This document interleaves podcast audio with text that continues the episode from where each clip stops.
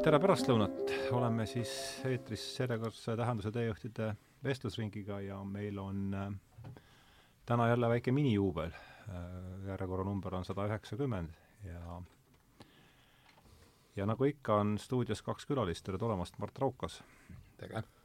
tere tulemast, Raun Juurikas! Raun, sina oled kolmandat korda või? äkki neljandat?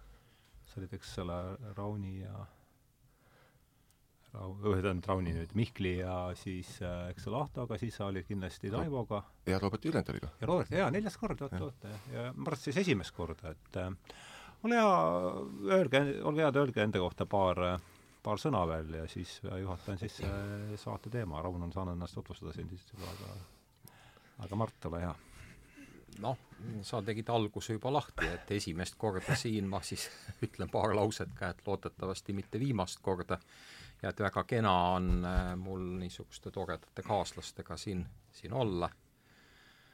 et äh, arvan, tuleb äh, huvitav ja õpetlik vestlus ja, ja tervitan ka kõiki neid, kes meid live üle veebi vaatavad.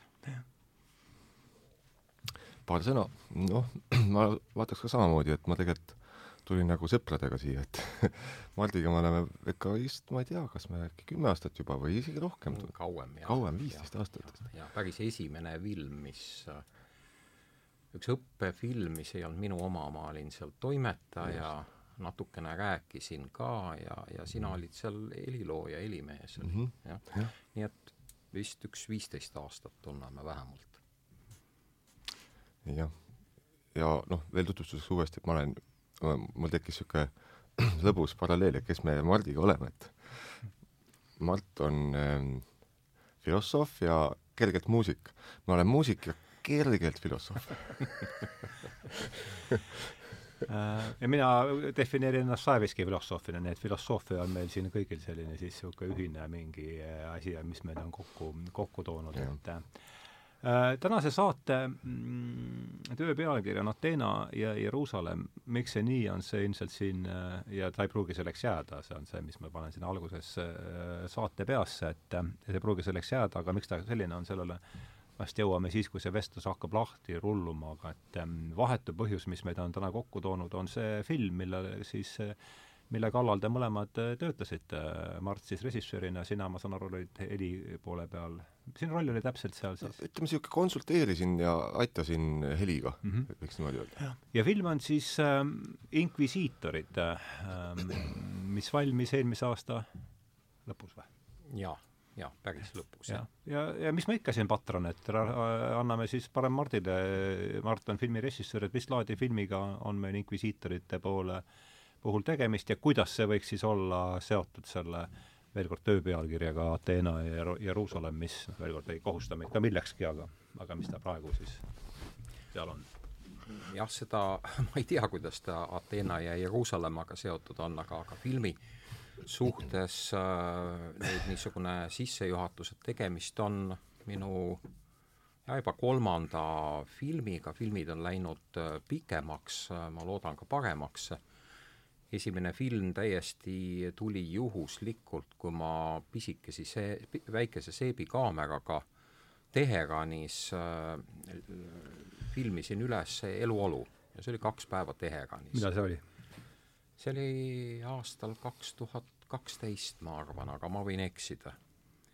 ja äh, selle sai siis äh, niisuguseks telefilmiks äh, tehtud, press TV ostis selle litsentsi ka ära, seda näidati ka Iraanis ja see oli lühikene dokumentaal.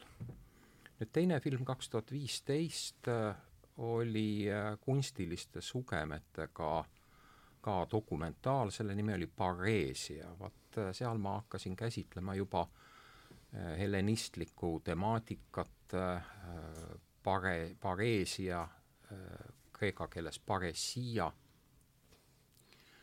on äh, siis tõe niisugune ekstreemne väljaütlemine, rääkimine paresiasti poolt, kes on siis moraalne kangelane ja tõe väljaütlemisega äh, ta väljendab oma karakterit kogu oma füsiognoomilise mitmekesisusega, ehk siis selles filmis oli mitte ainult pööratud nende lausete jõule tähelepanu, vaid ka äh, Einar Laigna etendas seal paresi hästi kogu see niisugune füsiognoomiline mitmekesisus ja võiks öelda ka see hääle amplituud, prohveti manitsev paatos, salvav iroonia, kõik need asjad äh, oli äh, noh, eesmärk välja, välja nagu tuua. ja filmil läks hästi, ta sai ühel suhteliselt mainekal Küprose festivalil, sai lühidokumentaali äh, preemia ja keskselt seda filmi maailma filosoofia päeva raames ka Ateena ülikoolis diskuteeriti, et võib-olla selle ühe üle isegi nagu kõige rohkem head meelt oli. ja nüüd äh, ütleme seitse aastat äh, hiljem siis Inkvisiitorid, see on juba päris pikk film, mängufilm filosoofiline mängufilm, mitmekihiline ja kuuskümmend kolm minutit on ta pikk üles, ta on võetud Tallinna dominiiklaste kloostris, originaalkeeled on inglise, uus-kreeka, vana-kreeka ja, ja soome keel. Linnar Priimägi, olen talle tänulik, tegi kenad eestikeelsed subtiitrid sellele filmile Rauno, sina siis ka palun oma nurk sellele, sellele filmile. uuele, uuele, viimasele filmile? noh, see on väga tihedalt no sümbolit täis film, ütleks, et kõik detailid tuleb, tasub arvesse võtta ja äh, ütleks, et see poeesia või see olustik või see õhkkond, mis, mis seda kannab, on see siis dominikaanlaste kloostri pärast või siis üleüldse selle äh, režii ja kõigepärast, et ähm, selle ka tasub ennast lasta kanda, et ähm, mulle, mulle isiklikult just see rahu ja kulgemine sellises filmis meeldib, et on, on äh, aega mõelda. ja noh, heli koha pealt siis tuli ta nii, nii hea, nagu tuli, et ma nii, nii palju, kui ma üritasin näidata, et nii palju ma sain panustada sinna, et oma osa. ja et ähm, ja teemaks on siis inkvisitsioon, eks ole, mis on väga põnev teema iseenesest mm., laiemas mõistes ma loodan, et me jõuame sellega suurde pilti suuremate tähenduste juurde ka, mida see sõna ikkagist võib tähendada ka tänapäeval ja niimoodi. et see, see te teema on mind väga inspireerinud just selle formaalses mõttes, et äh, inimesed on alati kasutanud võimu mingisuguse asja peale suru-, surumiseks ja antud puhul ma vaatangi seda kui nagu noh, ühte üht võimalikku eksimust, kollektiivset eksimust inimeste poolt, kuidas siis peale suruda asju mm. -hmm. No Ateena ja Jeruusalemm, ma selgitan siis seda, miks, miks ma sellise töö pealkirja panin, et noh, selge, et see film on no, tühistamiskultuurist, eks, kui vaadata tänapäeva vaatevinklist ja ja seal on ju juttu, nii palju kui mina saan aru ja Mart saab siin kommenteerida, et siin on juttu sellest suurest tühi-, tühistamisest, kuidas siis äh, Jeruusalemmast välja kasvanud äh, kristlik kultuur, osa sellest on, on tegelenud siis äh, usinalt seal antiikse kultuuripärandi tühistamise ja sa oled ju ise seda filmi ka näinud, käisid jah, ja, ja, ja, ja, ja muidugi. Artis suures saalis ja, ja seda rahvast ja. palju, aga ma vist märkasin ja, sind. jaa, olin küll seal, jah. ja et see teema on mul pikalt pakkunud just eriti viimasel ajal huvi, et äh, et võib-olla kõige enam siis, kui ma mäletan kaks tuhat kolmteist Rupert Sheldrake, kes on minu mõttelõnga siin päris oluliselt suunanud, avas ühe oma loengu sõnadega, et et me oleme sügavas kriisis, sest meie kaks fundamentaalset paradigma, Ateena ja Jeruusalemm, ujuvad kokkupõrkekursil ja see mingis, mingis mõttes võib seda filmi, no veel kord, eks igaüks vaatab seda filmi oma mätta hulgast ja see, see on see kontekst, kuhu mulle see film, film asetus ja loomulikult Raunil on oma nurk, sul on oma nurk, aga et see on see, miks, mis see mulle eriti, kuidas see mulle huvi pakkus, et miks siis sellise kirglikkusega tormati äh, selle antiikse äh,, antiikkultuuripärandi kallale, et see on, see ütleme, see on see kaugem eesmärk, millest ma tahaksin aru saada, et võib-olla kuidagi hakkame seda siis vaikselt juba kohe siit niimoodi ha harutama, et äh, kui, kui, kui tohib lihtsalt natukene filmi süžeest hästi lühidalt. et filmi süžee, nagu ma ütlesin, ta on nagu üles ehitatud mängufilmina, selle filmi peakangelane on üks äh, kena, väga andekas äh, noor äh, naishumanitaar, kes kasutab oma mõistust ja veetlust, et sisse filtreeruda dominiiklaste kloostri salaraamatukokku. tema eesmärk on siis üles otsida ja tühistada sinna peidetud eugeeniline materjal kaasaja tühistamise või siis kustutamise kultuur, mulle just see termin kustutamine meeldib üha rohkem, sest mhm. vaadake mm -hmm., kustutamise liigutusega väga sageli mitte ainult ei kustuta mingit asja, vaid tekib paberile ka auk, et sinna ei saa ka enam midagi kirjutada.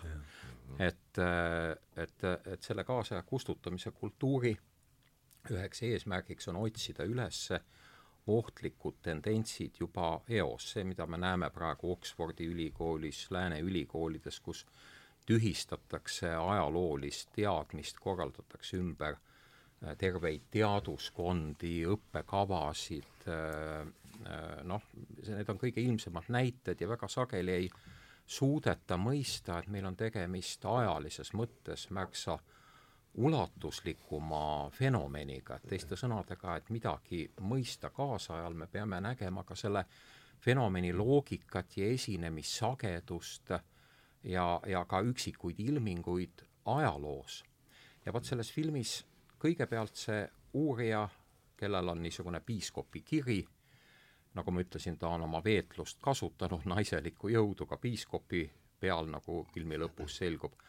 Et ta hakkab uurima siis neid eugeenilisi materjale, noh, minul filmi tegijana muidugi väga ilus on üles äh, filmida need natüürmordilikud episoodid seal, kõik see eugeenilised mõõteriistad, äh, valguse peegeldus äh,, niisugune vana hollandlik maalilisus, sellel filmil käsikirja kui niisugust Äh, traditsioonilises mõttes ei olnudki, eelkõige prioriteet oli visuaalsel perfektsusel ja need üksikud kaadrid, mis on üles filmitud kui kompositsioonid ja maalid, need sai hiljem siis kokku peas pandud tervikuks niisuguseks, millel on oma väga selge mõte, loogika, et ei pea alati olema nagu niisugust noh, nagu käsikirja.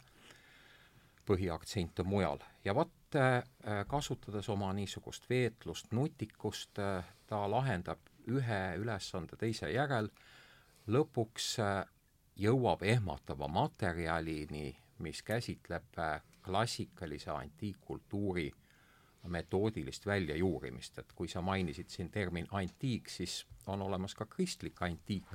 klassikaline antiik lõpeb peaaegu lõpeb seal, kus äh, kristlik antiik hakkab, see kattuvus on mõnisada aastat ajalises mõttes, aga efekti mõttes ta on järsem, sest äh, erialainimesed on ütelnud niimoodi, väga tore võrdlus, et kui näiteks äh, viienda sajandi Ateena kodanik uinus magama ja ärkas üles teisel sajandil meie aja järgi, siis märkas ta väga palju erinevat, aga põhimõtteliselt sai ta aru, mis maailmas toimub mm. -hmm, nüüd, kui äh, äh, seesama kodanik jälle uinus magama äh, kolmanda sajandi lõpus ja ärkas üles neljanda sajandi lõpus või mhm, isegi keskel, siis ta leidis eest täiesti teistsuguse maailma mm. -hmm millest tal oli võimatu aru saada, mismoodi see toimib, miks toimib, ja vot see radikaalne niisugune muudatus, mille üheks põhjuseks oli ka see tühistamise kultuur, mis siis rakendus. muuseas, termin tühistumine, tühistamine ja, ja, ja see fenomen kui niisugune on, on väga-väga vana, näiteks ostrakism klassikalises Kreekas, mida äh, Kleistenes äh, ju sisse viis, ehk siis äh, mõjukas ja ohtlikuna tundunud poliitik kümneks aastaks saadeti linnriigist ära, see on ju sellise kustutamise või tühistamise kultuuri üks, üks näiteid ja oli veel teisi. -hmm. aga kunagi nad ei olnud nii metoodilised, kui ütleme, hakkas pihta siis sellises monoteistlikus kristlikus äh, impeeriumis alates Konstantinusega juba. ja veel paar sõna selle filmi niisuguse süžeest, et nende materjalide avastamine, mida hävitati, kuidas hävitati, kuidas metoodiliselt põletati raamatukogusid, äh, klassikalist hellenismi uuriti välja, äh, filosoofiakoole pandi kinni. Et see selles peategelases kutsub esile šoki, et see kaader, mida ma seal kasutasin, on, kus see uurija liigub äh, niisuguses voogavas rõivas teatud aeglustunud noh, nagu visuaaliga ja loeb, et minu eesmärk oli, et, et, et selle filmi vaataja niivõrd ei, ei, ei, ei vaataks, aga hakkaks nüüd kuulama seda teksti, jälgiks teksti. Ehk see visuaalsus, kaasaja filmid kipuvad ju, ju liiga kõik tempokad olema, liiga, liiga tugeva heliga, liiga tugeva värviteravusega. et seal nagu, nagu need segavad asjad on, on maha võetud või niisugune esteetiline diskrimineerimine on toimunud ja, ja, ja põhirõhk on tekstil daatumid hävitati, see daatum põletati maha, see pandi kinni, see ja siis on näha, kuidas selles peakangelases nagu šokk tekib, nagu arusaamine siis sellest, et mis, mis see on. ja selle filmi lõpus siis ta satub dilemma ette, küsimus on nagu Nietzsche poolt formuleeritud küsimus, mida ta oma õele, õele priva-, no ütleme kirjas kirjutas, et kui, kui sa tahad rahu, siis äh, usu ja võtta, võta omaks ja usu. ja kui sa tahad järgida tõde, kui sa oled tõeõpilane, siis sa pead otsima.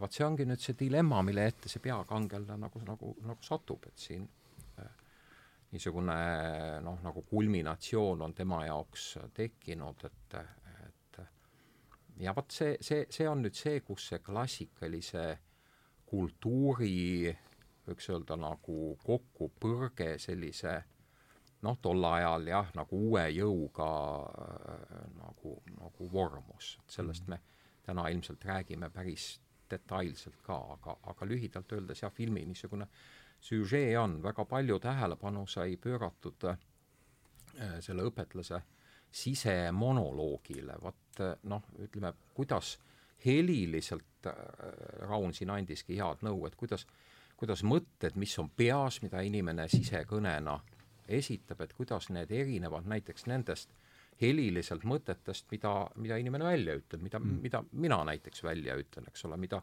mida selle saate vaatajad kuulevad, eks ole, et, et, et samuti tempo. tempo on teistsugune, helitaust on teistsugune, juba klooster ise on meditatiivne.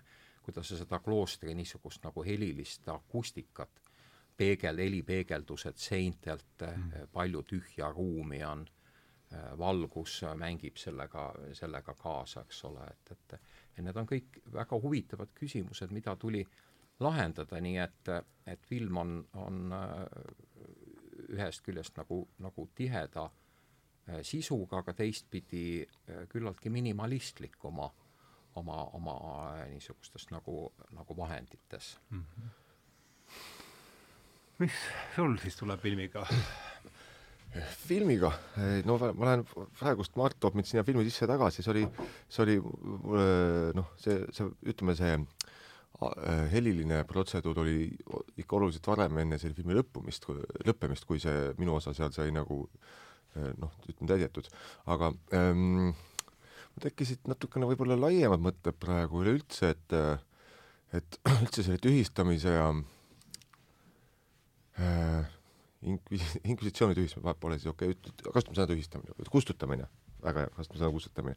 et selle taga on tihti inimlik arrogants ja mitte idee, mitte ideoloogia ise mm. -hmm. ja noh, näiteks kristliku maailma puhul on noh, kristlik maailm on lootuse, armastuse maailm, eks ole, ja mõtled, et noh, mis seal siis nagu väga saab olla, aga tuleb inimene, kes hakkab seda väänama ja tekitab kultuse, mis on siis, ma ütleks, et ma ütleks tegelikult selle kohta ilmselt pseudokristlik või midagi ütlete, mis iganes, ja siis toimuvadki niisugused väändumised. et ähm, ja, ja siin koha peal on äh, tavaliselt see põhjus on inimese vaimne võime ja mäluline võimekus ja siis see, kuidas see sotsiaalselt reageerib teiste inimestega. Ja loomulikult arrogants ja võim on see, mis selle, mis need tööriistad on, eks ole, ja siis sellest tekkiv üksmeel hirmupõhine tõenäoliselt et mina võtan seda tühistamist millegi sellisena umbes. aga, aga üritaks nagu selle inimese seal nagu ma, ma üritaks nagu nii selle ideoloogiale vaadata võimalikult suure empaatiaga, kui sellele inimesele, kes seda, kes selle mõõga kätte võttis, eks ole, kes läks ründele. et seal on, seal on mingisugused mulle aina rohkem paistavad seal isegi selles, selles paha, pahatahtlikus inimeses mingisugused naiivsed rumalused, et, et et võiks, mõnikord võiks öelda, et vabandust, et läks valesti, aga et, et tühi, ma tühistajat ei tühistaks veel, ütleks lühidalt niimoodi. Vaataks teda. Jah, no siin on õige mitu niidi otsa, mida sikutada, mhm. mulle väga meeldis seesama unenäo või magamajäämise metafoor, väga kõnekas, et ega kui viies sajand enne meie Platoni aeg eh, suikus ja, ja ärkas seal Plotinose ajal ajas ülesse, siis suurt midagi ei olnudki muutunud, aga aga siis tuleb Augustinus sinna õige pea, okei okay,, see läheb natuke aega, aga ütleme, mis siis keskendume sellele, et mis siis juhtus seal kolmes, kolmas-neljas sajand, Kristus saab riigiusuks, eks, et see on tõenäoliselt see nojah, natuke tuleb võib-olla siis minna tahapoole. Äh, kristluse teke on äh, ka meie aja arvamise skaalal väga täpselt dateeritav või et on need nagu kokku viidud tahtlikult. Äh, me kipume arvama, et äh, rääkides kristlusest, me räägime mingist ühest kindlast äh, ususuunast äh,.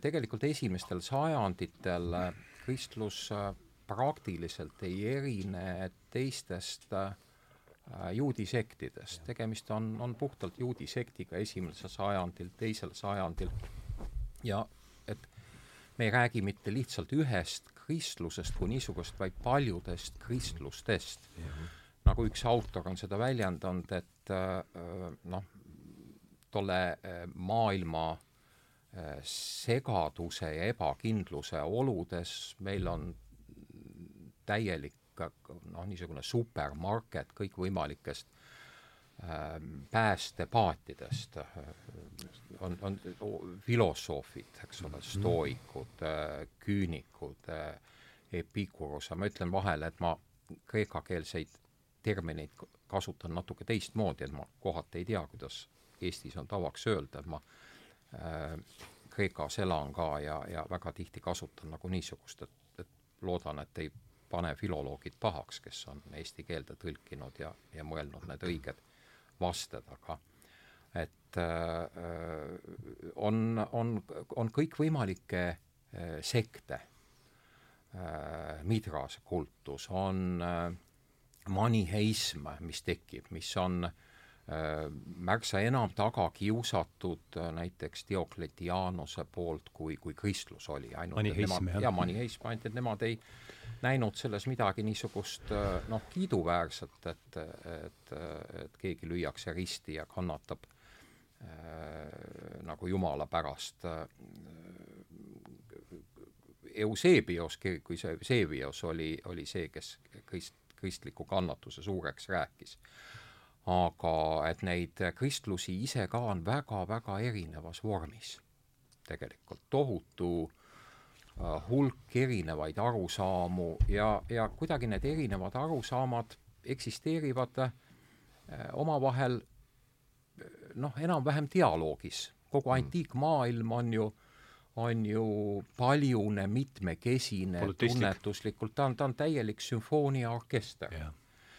ja äh, need olulised sündmused hakkavad pihta, kuhu me jõuame ju tegelikult äh, neljasajand, neljanda sajandi alguses, kus äh, keisririik satub väga tõsistesse finantsraskustesse, võimukriis tekib, võimuvõitlus ja Konstantinus, keda hiljem hakati nimetama siis suureks, kes ennem kristlaseks hakkamist oli äh, Midrase kultuse äh, ju praktiseerija, samamoodi seal kultuses siis armulauda jagati äh,, Jumala sünnipäeva, kui nii võib öelda, tähistati kahekümne viiendal detsembril äh,, Pompeius Suur tõi selle religiooni äh, või kultuse impeeriumi nii et meil on tohutu hulk erinevaid niisuguseid suundi. ja olles küll mitte ajaloolane, võib-olla ma esitan oma nägemuse sellest, et, et, et kogu selle äh, ajaloolise situatsiooni äh, saatuslikuks momendiks on see, kus kriisis olev, äärmi-, äärmises kriisis olev impeeriumi võim kohtub ülima ambitsiooni ja võiks öelda isegi paranoilise niisuguse noh, ebakindluse ja kahtlusega ja võimalusega siis äh, võtta üks selline religioon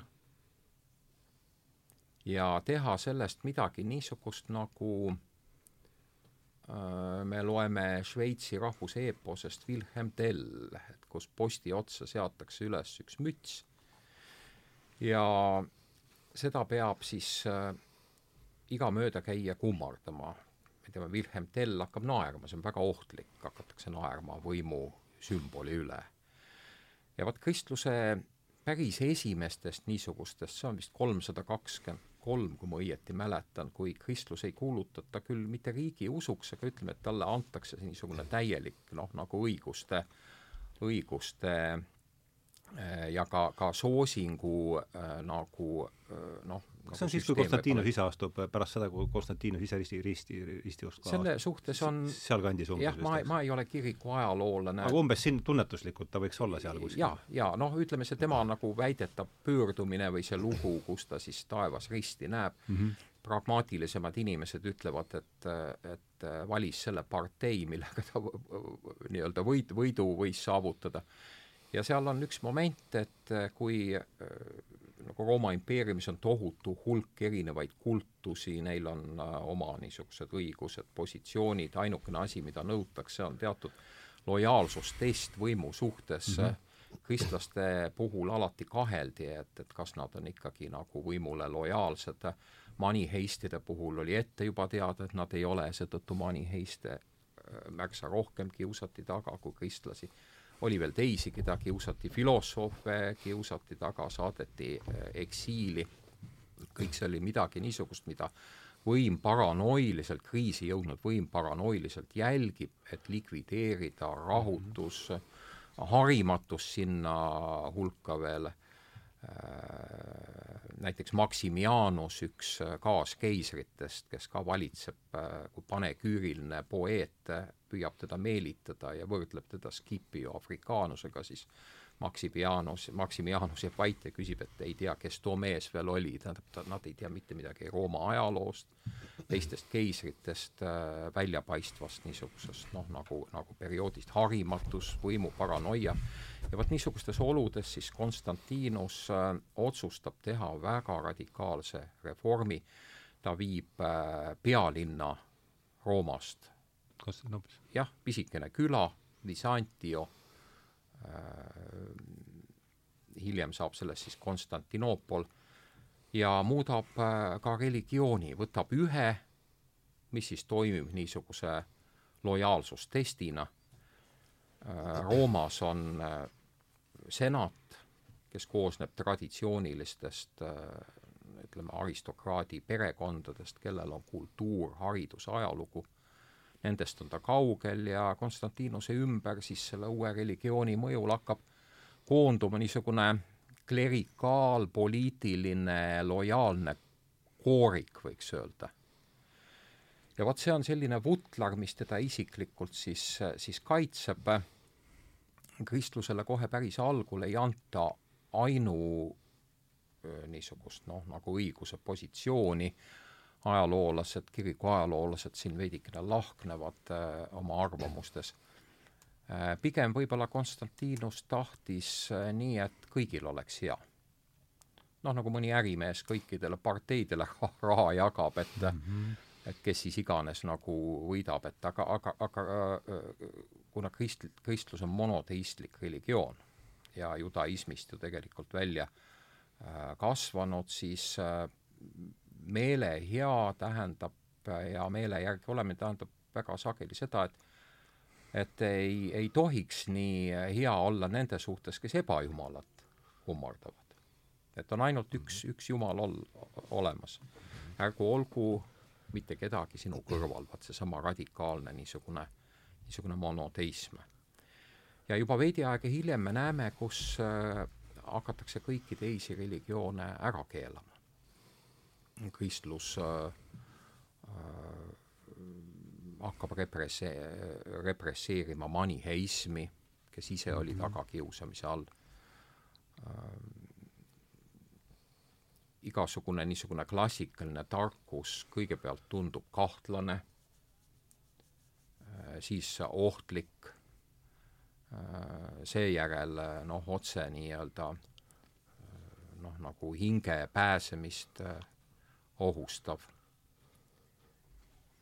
ja Konstantinos Kavafisel on üks tore luuletus, on minu üks lemmik poeete, Kavafis, Konstantinos Kavafis, jah. ja tal on luuletus nimega Don Evreon, mis tähendab, nad nagu nagu juutidest või ju-, ju-, juutidele ja seal on ilus kirjeldus siis Kavafis sündis äh, ja suure osa oma elust veetis Aleksandrias. Äh, ja see oli kosmopoliitne linn, aga mitte ajal, kui äh, Makedoonia Aleksandros või Aleksander Suur selle rajas, ka mitte Ptolemeioste ajal. Ptolemeioste ajal oli ta suletud, kreeklastele mõeldud moodustis, Aleksandria raamatukogus äh, töötasid eri kohtadest tulnud õpetlased, aga hiljem Rooma impeeriumi ajal tekkis ju uus mõiste, see oli, see oli Rooma kodanik, me mäletame ju, kuidas Paulus ju tegelikult ju isegi võib-olla algul varjab seda, et ta on Rooma kodanik, et tal on need õigused ja siis, kui olukord talle ohtlikuks muutub, siis ta selle trumbi käib välja, et, et te tahate peksta ju Rooma kodanikku eks ole. et, äh, et selles luuletuses siis on, see on lühike luuletus, seal on kirjeldatud äh, väga andekat juudi noorukit, kes on suurepärane diskovoolos, see on see kettaheitja äh, tunneb poeesiat, filosoofiat, ta on, ta on läbi ja lõhki sellest hellenistlikust kultuurist äh, nagu läbi tikitud, põimunud, suurepärane kõikides nendes aspektides. aga salajas, nagu ka Vahvis ütleb, ta alati hinges loodab seda päeva, mil ta saab uhkelt öelda, et ma pöördun tagasi oma esivanemate usu juurde. ja Vahvis ütleb, et seda päeva kunagi ei tule et ta on ära võidetud selle hellenismi poolt, ta on ära võidetud selle, see on niisugune toredad, toredad luuletused jah, ka Vahvisel. Ja noh kas ta on eesti keeles ka esindatud või? ma ei, ma ei tea. midagi vist on. ma, ma ei, jaa, Mati Sirkel on minu arust midagi on minu arust, jah. jah, ta on, ta on tõlkinud, ma ei tea, mis keeles ta on tõlkinud, aga aga igal juhul ka Vahvis on eesti keeles olemas ja Mati Sirkli tõlked on kõik väga ilusad, nii palju, kui ma olen neid lugenud. Ja noh, Konstantinos Kavafis on, ta on, tema kaanon, see on internetis olemas, on kreeka keeles, on, on inglise keeles olemas, et, et need on, need tema luuletused on sellised ajaloolised etüüdid, reeglina need puudutavad siis äh, niisugust klassikalist äh, perioodi mm. -hmm aga nii, et on millised Kavafis eluaastad umbes olid? Kavafis eluaastad olid tuhat kaheksasada lõpp, tuhat üheksasada alguses mm. -hmm. Aleksandria, ma täpselt ei mäleta, aga, aga, aga niimoodi, kui see tuhat, tuhat üheksasada esimene, esimene pool mm. -hmm. ja noh, niisugused poeemid, et no näiteks üks väga-väga tore, ma hommikul just lugesin, see on Nero. et Nero priskest söögist ja ohtrast veinist äh, teadvusetuna lamab oma voodis. ja alumisel korrusel, kus on siis esivanematu niisugune noh, nagu pühamu ja, ja, ja, ja seal esivanemate vaimud hakkavad ilmutama rahutust, sest nad kuulevad lähenevate fuuriate või kättemaksu jumalate äh, samme mm Nero ise ei tea midagi, tema teadvusetu on seal voodis, püherdab ja ja ja et niisugused noh, kuidas öelda, et, et, et nagu poeemid, kus, kus sa pead nagu ajaloolist tausta veidi teadma mm, -hmm. kus sa pead nagu seda ajaloolist tausta teadma. ja need äh, Kavafis ja poeemid lõikavad sellise terava aspekti, kust sa näed selle ajaloolise nagu momendi kohta midagi väga olulist. Vaat Kreeka kultuuris üldiselt on omane asjade nägemine, kreeklane on vaatleja, ta on asjade nägija, ta on asjade jälgija, olen püüdnud ise ka sellist äh, nagu omaduse endast arendada, näiteks mida tähendab teritatud pilk. selles filmis äh,, millest me rääkisime, Inkvisiitorid äh,, see uurija ühel hetkel viskab need äh, eugeenilised mõõteriistad käest ära ja ütleb, et, et minu minu silmad on märksa tundlikumad kui need mõõteriistad. Mm.. aga nad on tundlikumad üksnes siis, kui inimesel on teritatud pilk. vaat omada teritatud pilku klassikalises mõttes tähendas, et sa näed inimese karakterit, karakter on inimeses midagi niisugust nagu, nagu olulist, näha karakterit, näha, mida inimene võib teha ühel, teisel ja kolmandal hetkel.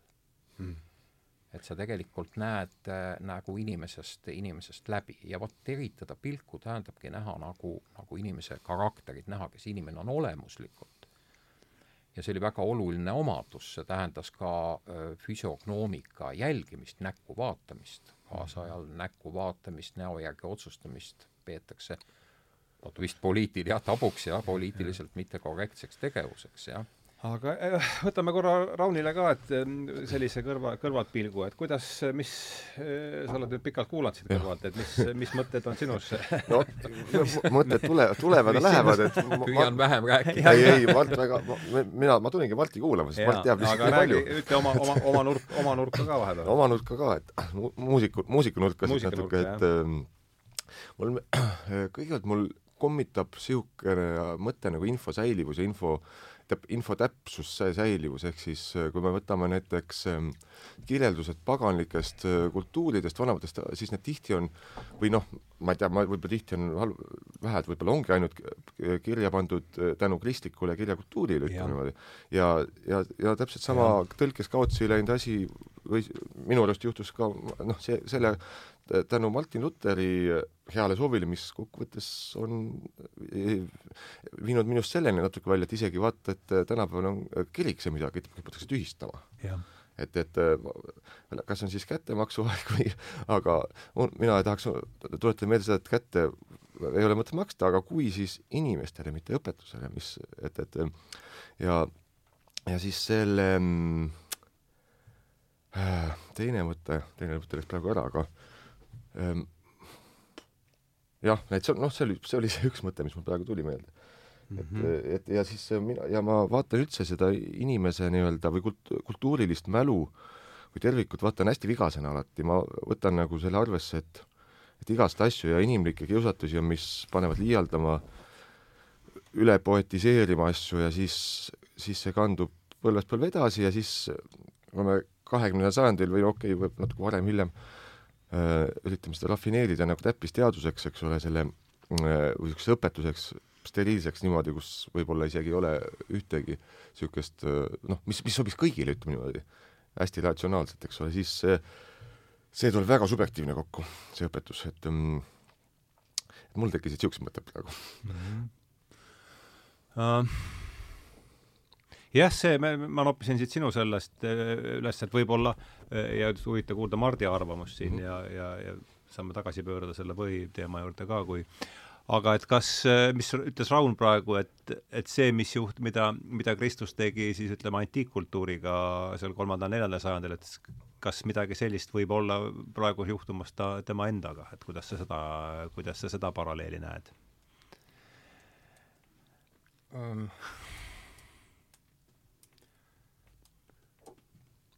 nojah, eks äh, see on ju tavaline asi, et, et ähm, tähendab, kristlus ise ju on äh, ka tänapäeval väga palju noh, teistmoodi. et äh, et võtame, noh, võta, võtame lihtsalt niisuguse momendi, et et Nikaia kirikukogu mm. -hmm see on mingi siis kolm see on kolmsada vist kakskümmend viis või? et äh, seal põhiküsimus on, mis vahekorras on isa ja poeg mm. -hmm. ja noh, ennem seda ja ka mõnel, mõneti peale seda on erinevaid niisuguseid teooriaid, et äh, jumal poega või jumala poega Kreeka kultuuris, Kreeka kultuuriruumis väga palju niisuguseid paradigmasid on inimese teatud jumalikkus, äh, Julius Caesarit hakati nägema äh, teatud niisuguse noh, nagu jumaluse kehastusena Makedoonia Aleksandrost, tähendab inimene, kes teeb äh, väga paljus asju, mis on jahmatav ja suur, vot sinu seltsi nimi on Edmund Pöögi. Selts yeah. ja ja Edmund Burke on ju kirjutanud äh, väga kuulsa töö on, on ilust ja, ja ülevast ja tema käsitlus just nagu sellest, et äh, mis see sublime või, või üle on, üle, ülev on, et mis, mis momente ta nagu kutsub, kutsub äh, noh, esile. ja siis see efekt, mida ta psühholoogiliselt esile kutsub, see on astonishment, ehk see on mm -hmm. niisugune jahmatus, eks ole, see on jahmatus. jah ja, ja, ja nüüd on huvitav näha, kuidas edasi läheb äh, Edmund Burke, ta läheb, et, et mis sealt edasi veel tekib, see on admiration. Astonishmentile äh, järgneb, jah? jah, jah, jah, jah, admiration äh,, reverence mm -hmm. ja äh, respect äh,, respect, eks ole mm. -hmm. ja kas ta on ka worship mingi, tähendab põhimõtteliselt niisugune nagu religioosne selline, antiikajal keskne termin on kaalos, klassikalises antiigis, kaalos Kreeka kultuuris, mis tähendab hüve ja hea. no vot hiljaaegu kuulsin ühte riigiõiguse professorit siin Eestis rääkimas, et, et miks meil riiki vaja on, ta ütles, et selleks, et, et, et, et riik saaks oma kodanikke kaitsta, vale, vale. Aristoteles päris alguses oma teoses riigist ju ütleb, et et mitte ühine majandustegevus, mitte kaitsmine, vaid teatud hüve kaalos, teatud hüve, mida kaalos, poolis jah ja,, rinnliik suudab tekitada ja mida mitte ükski niisugune noh, nagu kogukond või küla ei suuda, et poolis Kreeka kultuuris on midagi väga unikaalset, sest see hüve, mis seal tekib, on, on midagi väga niisugust unikaalset. ja vot noh, tagasi selle Nikaia kirikukogu juurde, seal ongi küsimus, et, et mitte lihtsalt, et kristlust, kristlus ei ole, Kristus ei ole mitte lihtsalt väljapaistev inimene või, või Jumala, Jumala poeg, Jumala tekitatud, et oli hetk, kus oli Jumalaga, võib-olla kus poega ei olnud, aga Jumal oli, et siis see nagu kanoniseeritakse, ma ei ütleks, et lahendatakse, sest keiser on seal kirikukogul kohal. sisuliselt vaatab käekell, kui nii võib öelda, ja ütleb, et eh, lahendage see asi nüüd väga kiiresti ära. tähendab, meil on, meil on kirikukogu, kus eh, sellist eh, teoloogilist problemaatikat, keerulist teoloogilist problemaatikat, kus on kokku pandud äh, vanatestamentlik judaistlik äh, ideoloogia, ekstreemne, kohati isegi fanaatiline ideoloogia, äh, peen Kreeka filosoofiline aparatuur ja poliitiline võim et niisuguses nuputa, nuputamist palju. jah, ja, ja ainukene, mida seal esindatud siis ei ole või keda ei ole esindatud, ei ole, ei ole muidugi filosoofe esindatud, on poliitiline võim ja seal on siis need äh, teoloogid, kes on paljus õppinud peaaegu ühtede samade kateheesi koolide juures. ja vot seal käibki äh, Aarios siis mõistetakse hukka, Atanasiose positsioon võidab äh,, isa ja poeg on, on võrdsed Äh, püha vaim tuuakse siia sisse, vot tekib niisugune noh, Nikaia usutunnistus. see kolmaine, kolmaine konse tuleb siis sealt? see tuleb sealt jah, ja seal mm -hmm. põhiküsimus ongi just selle isa ja poja vahekorra, korra küsimus mm. -hmm ja kui nüüd see on nagu ära fikseeritud või paika pandud, noh kujutame ette, et filosoofilisi probleeme ju ei lahendata niimoodi, et me määrame, otsustame, et et, et on nii ja saab niimoodi olema ja me seda enam ei muuda ja väga sageli teoloogid on uhked, et see usutunnistus on juba peaaegu noh, ma ei tea, noh, peaaegu kaks tuhat aastat, eks ole, äh, noh, jah, on äh, eksisteerinud, siis võib ju mõelda niimoodi, et, et inimese enda tunnetus ja arusaamine ju areneb, eks ole, et, et, et see muutub, aga, aga eelkõige seal on näha seda poliitilist tellimust, poliitilist survet saada mingi formuleering, millest äh, äralangemine automaatselt on riigivõimu vastane selline mm -hmm. nagu aktsioon. vot see, see väljend, mida ma kasutasin äh, filmis ka, et see on teoloogilis-poliitiline koorik, klerikaalne mm -hmm. koorik. Kristus ise minu jaoks on väga suur ja imetlusväärne äh, noh, inimene ja, ja, ja õpetaja aga see klerikaalpoliitiline koorik, mis sinna sisse siis nagu või ümber moodustab, see on, see on küllaltki vastutav väga paljude asjade eest. ja, ta, ja taustaks on ikkagi see, mis ma noppisin üles, kolmanda sajandi Rooma impeeriumi kriis, eks, inflatsioon ja kogu see on see, see on ja, see laiem kontekst, on lähtekoht lisaks muidugi, lisaks muidugi ka erakordselt noh, ütleme niisugused äh, noh, võimu paranoilised äh, isiksused keisritena. no tõenäoliselt see on ka kriisist, kui on ajad rahulikumad, siis on võib-olla paranoia Kind, vähe, kindlasti, vähem, eks ja, ole. ja nüüd tekib siis see, see, see olukord, et et, et religioon või ütleme, koos sellega kogu kultuur on välja vahetatud, pealinn on viidud kusagile mujale, tekib hoopis teistsugune no näiteks kas või karjääri tegemise süsteem mm. -hmm sul ei pea enam olema sidemeid äh, vanade aristokraatlike suguvõsadega, haridus ei ole klassikalises mõttes enam hinnatud, märksa olulisem on see, et sa oled, oled kristlane. ta keerab ikka uue lehekülje äh,. jah, sul on äh, selline CV piiskopi poolt et kui Rooma impeeriumi ajal ennem kohalikud võimu esindajad, need on siis noh, määratud keisri poolt, kes seal siis valitsevad need vahetatakse välja piiskoppidega ja noorte inimeste, noorte meeste unistus on olla võimalikult lähedal piiskopile mm, -hmm. teha karjääri. mitte mm -hmm. omandada niivõrd teadmisi, olla selline noh, äh, sõnaosav propagandist, äh, ilmutada igal võimalikul juhul oma lojaalsust, siis nagu, nagu seitsmeteistkümnendal aastal oli tõenäoliselt partei keskkomiteele olla kasulik lähedal ja nagu sellistel pöörangulistel aegadel on tõenäoliselt, eks. no vot, nüüd me olemegi jõudnud selle küsimusele, et kas on mingisugune paralleel selle tühistamise vahel, mis oli oli neljandal sajandil ja see, mida me kaasajal näeme ka krist-, kristluse puhul, eks ole. või kahekümnendal sajandil. jah, et, et, et siin on väga olulisel määral küsimus puhtalt võimus. Mm -hmm. täiesti nõus. ja ma lisaks siia juurde, et ähm, ka-, kahtlustan ise, et natuke see, kuidas see, mis see võim, miks see võim nii, niimoodi teeb, on võib-olla siis see, et et täpselt see parteiline kuuluvus, mitte tegelik veendumus on see, mis, kus see käärimine toimub. ja inimene tegelikult ei, ei usu enam ennast ja siis ta hakkabki talitama niimoodi võimuga lahmides, ütleks niimoodi, ja siis need vead tulevadki, et just kõrvaltvaatajana äh, propageerides midagi, millest sa ise ka päris otseselt ei kuule, aga mida sa vaatad nagu kasuliku niisuguse parteina. sealt, sealt tuleb mingi häälid minu arust, südametunnistusega häälid tulevad sealt kohast.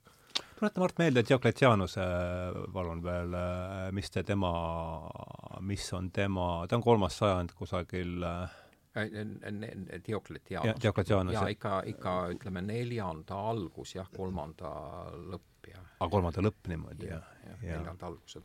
ütleme see Diokletianuse oota, kas, kas sa mõtled, Diokletianus on siis pärast, ei, ta on ikka enne Konstantinust ju? ja, ja, enne. ja just, ja, ja, ja, ja ah muidugi, jah, kakssada on ju kolmas, sorry, ja, ja, ja. ma see võimuvõitluse võib-olla kõige kolmanda sajandi lõpp, sa ütled, jah? ise, isegi nagu psühholoogiliselt ehk kõige mõjuvama kirjelduse sellest võimuvõitlust me leiame äh, keiser äh, Julianus, kes oli Julianus filosoof mm, -hmm. kes oli Konstantinos see, kes paganluse tagasi tõi või? korraks või? Ähm, nojah, vot termin, termin paganlus tuleb ju ka no, paganus, jah, sellega, see on üks nendest žargoonidest, millega äh, nagu püüti häbi, häbimärgistada ja mhm. madaldada kõike seda, mis, mis ei olnud Kristus, et, et paganus oli termin, millega osutati lihtsameelsetele talupoegadele mm. -hmm. kes elasid ümber, ümber, ümber Rooma ja ahah, kui selle terminiga ah, nüüd Ah, märgistada Aristotelest ja Platonit ja Sokratest ja Väga hea- väga hea osundus, mõjub, mõjub nagu natukene niimoodi noh, tuleta palun, sa ütled, et see termin tuli siis sealt eh, Rooma ümbruse talupoegadest tuleb see no paganus jah, nii ma olen nagu lugenud Ahah. selle kohta jah, et seal on, seal on veel teisi, teisi selliseid termini, termini moodus, moonutusi, näiteks noh, epikuurlik, epikuurlane, eks ju mm. -hmm. epikuurlik Inglise keeles on heathens või? kuidas kas heathens on ing-, mis see inglise keel Paganad või? jah, mis see, pagan. ka pagan jaa, või? mis see Heathon siis aga on? mingi heathens on ka ju ka- kas mingites tõlgetes või? jah, ma jään praegu Aga va- võimalik jah. nii, paganus jah, jah, pane, pane sünonüümid Jaa, ma sisse jah, jah. vaatan, nii, mis see, aga räägi, räägi. Ja see äh, noh, võib-olla kõige psühholoogilisem isegi äh, nagu noh, psühholoogiliselt mõjuvam on, on see kirjeldus, mida me leiame keiser Julianuse kirjast Ateena äh, parlamendile ja rahvale, kus ta äh, räägib äh, sellest julmusest, mida temale on äh, nagu osaks saanud. et peale Konstantinuse surma, Konstantinus suure surma, siis äh, Konstantinuse ellu jäänud äh, pojad, kolm tükki, korraldavad tõelise veresauna oma lähisugulaste hulgas, umbes kakskümmend vähemasti lähisugulast tapetakse maha. tapetakse ka äh, Julianuse isa, aga Julianus tol ajal on niisugune pisikene poiss veel. See on see, kes Metsar on teinud selle eestikeelse romaani, eks ole, Keiser Julianus, Leo Metsari on see ma ei, ma ei oska minu meelest on jah, jah, sul Jah. tuli jah. ütleme, kui on, kui ta on teinud keiser Julianost, kes oli, kes oli filosoof, kes Jah, oli Konstantinose vennapoeg, siis, siis see niimoodi on. ja Julianus äh, pisikese poisina siis saadetakse noh, niimoodi klassikalist haridust õppima, temast tahetakse teha äh, niisugust elavat sümbolit, keda on ohutu saata mingitesse kaugetesse impeerium e,, e, e, impeeriumi piirkondadesse, lihtsalt näidata, et keisri võim selle isikuga on, on füüsiliselt kohal Mhm. ja õpib filosoofiat.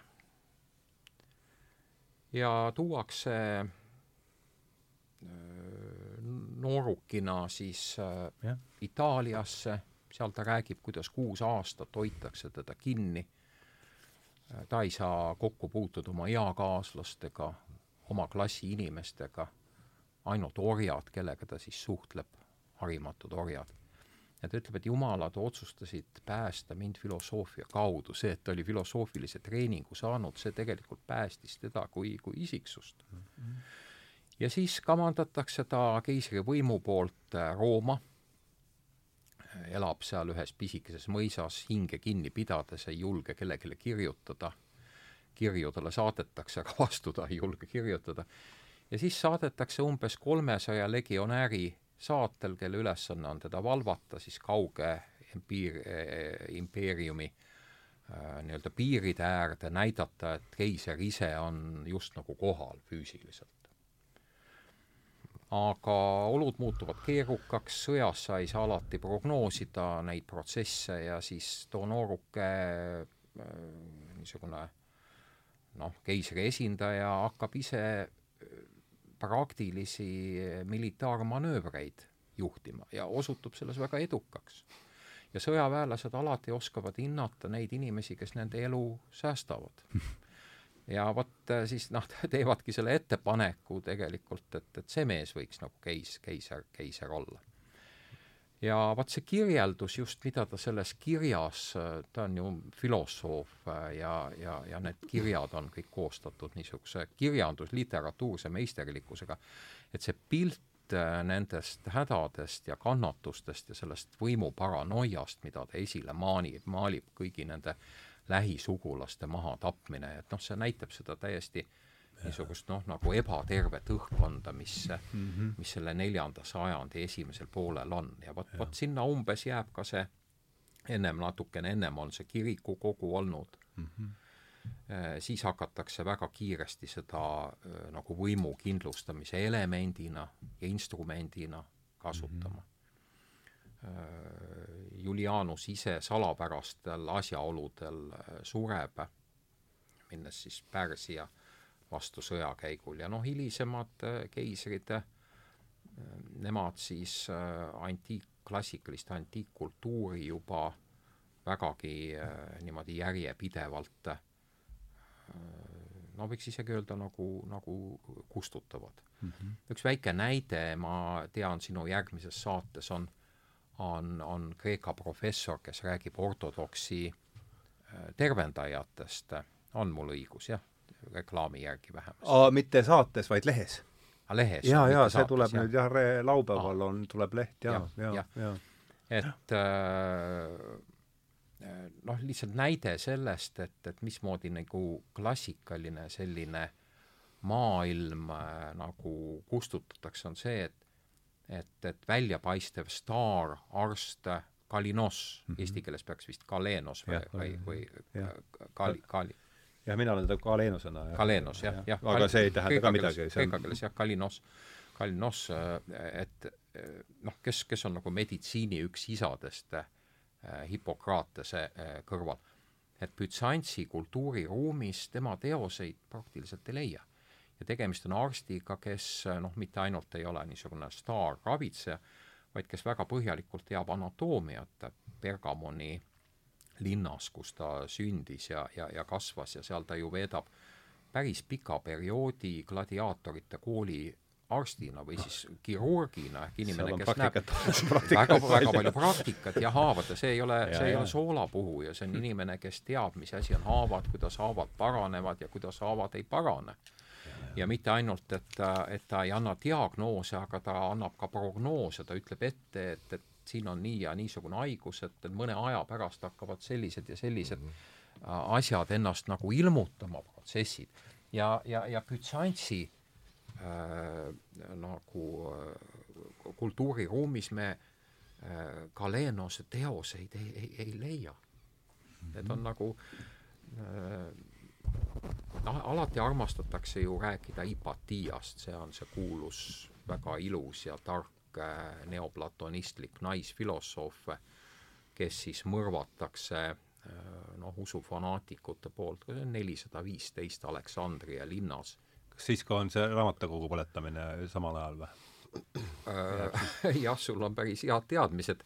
tavaliselt arvatakse, et Aleksandria raamatukogu pani põlema Julius Caesar, kui sa küsid inimeste käest. No see, see, see ju ei klapi ei, jah, teg kuidagi. ei, ei klapi jah, loomulikult ei klapi jah, et, tegelikult, et see raamatukogu hävitati ikkagi jah, kusagil umbes äh, viiendal mm., võib-olla kuuendal sajandil Ähm, ma mäletan, kui ma hakkasin Kreekas, Kreekas käima, suhtlema ülikooli inimestega, seal kreeklastega ja ja külastasime äh, muistsed Nemea, see on, sealt tuleb see Nemea lõvi, eks ole, Nemea.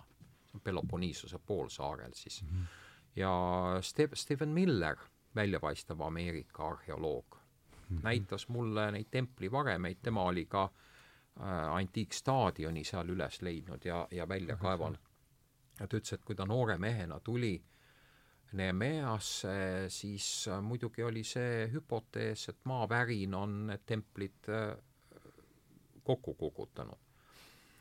ja vot hea arheoloog konsulteerib väga paljude teiste erialaspetsialistidega. ja Steven Miller konsulteeris geoloogidega ja need tulid ja vaatasin neid kive ja hakkasin naerma ja ütlesid, et siin, siin ei ole tegemist mitte maavärinaga, vaid siin on tegemist inimkätega. Laupäevakuga. jah, et siin on tegemist äh, niisuguse metoodilise Zeusi templit äh, muistses olümpias hävitati no umbes mingi kuuskümmend, seitsekümmend aastat, et et me teeme vahet kahel asjal, me teeme vahet niisugusel raevul, mis tekib äh, mõnikord sõja käigus äh, ähm, vaenlase vastu. Ja see on midagi, mis äh, tekib, kulmineerub, äh, omab hävitavaid tagajärgi ja siis, siis raugeb. aga sellest tuleks eristada niisugust juhtumit, kus meil on tegemist väga pikaajalise metoodilise kustutamistegevusega mm. -hmm. ja mis toimub äh, äh, mitte niisuguse hetkeimpulsi või raevu ajendil, vaid pigem ideoloogilis-fanaatilisel nagu motiivil. ja vot see, see, see on ohtlik. Vot see, see on asi, mis, mis on ohtlik mm. -hmm. filosoofiakoolide sulgemine, Bütsantsi äh, noh, ajalugu tunneb ju väga väljapaistvaid teolooge. mulle endale äh, meeldib lugeda teoseid nagu Filokalia, see on siis äh, noh, idakiriku isade askeetide sellised praktilised õpetused ja enesevaatlused ja ja filosoofiat on seal vähe, aga seal on palju naljakaid äh, kohti, kuidas seksteemonitega näiteks võidelda, missugust alkoholi juua näiteks väga aper... igi, igihaljad teemad. jah, ap-, aperitiivide joomine on väga ohtlik äh, võrreldes veini joomisega, sest aperatiivides on aineid, mis tekitavad siis äh, noh, niisugused seksuaalfantaasiad ja see on palju niisuguseid noh, öelda nagu nalja, naljakaid asju, aga on, on ka ära tunda filosoofilisi motiive, et me filosoofide häält enam ei kosta mm. -hmm. ei, ei kuule. aga me kuuleme teoloogide häält, kelle hariduses ja, ja on tunda noh, näiteks selline, selline mees nagu Ioannis Disklimakos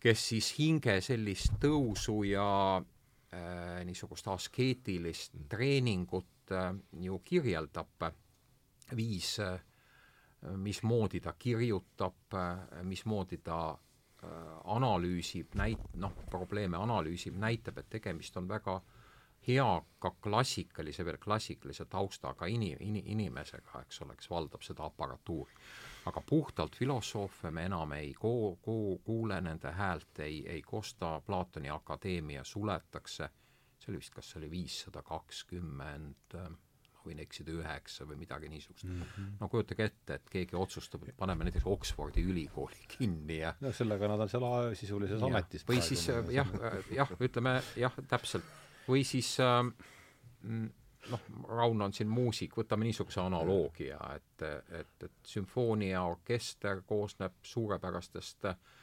pillimeestest ja korraga uue võimuga tuleb siis korraldus, et mängida tohib ainult ühte autorit mm. -hmm. kõik teised partituurid kogutakse kokku, keegi, kes on vaeva näinud, noh, ütleme seal Schuberti muusika nagu noh, lihvimisega ja, ja need kuulutatakse siis väga kahtlasteks.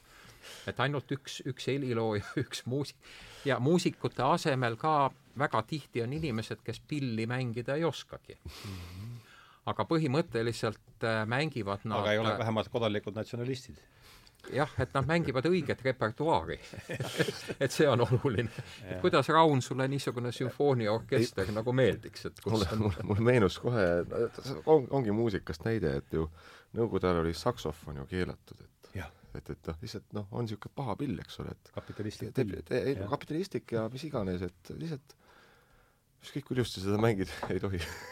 Ükskõik, mida see oli ju reaalne, see ei ole, see, see ei ole välja mõeldud. jah, et see oli tühistatud ja siis, aga loomulikult seal oli täitsa huvitav, et siis kindlasti tekkis väga kirglikke tegelasi, kes seda ikka keldris mängisid, eks ole, ja seda paremini mängisid, et aga jah, et see on nagu müstiline, mida, mida kõike siin tühistatud ja ma ikkagi, ma, ma tahan nagu seda teemat nagu vaadata, et mis sellel tühistajal siis viga on, eks ole, miks, miks ta seda teeb ja ikkagi ma noh, viimasel ajal aina rohkem üritan asju vaadata just selle empaatilise, et kui kas või niimoodi, minna ennast nii kaugele välja kui vähegi saada, aga et ähm, äh, tühistajal on ju, tühistajal on ju tegelikult tihti on tal päris aus veendumus, et nii ongi, et, et ja, ja tema käes on võim ja, ja, ja tema käes on õigus seda teha, aga ja minu, minu jaoks seal käälid tulevadki sellest, et kui, kui see tühistaja tõuseb teatud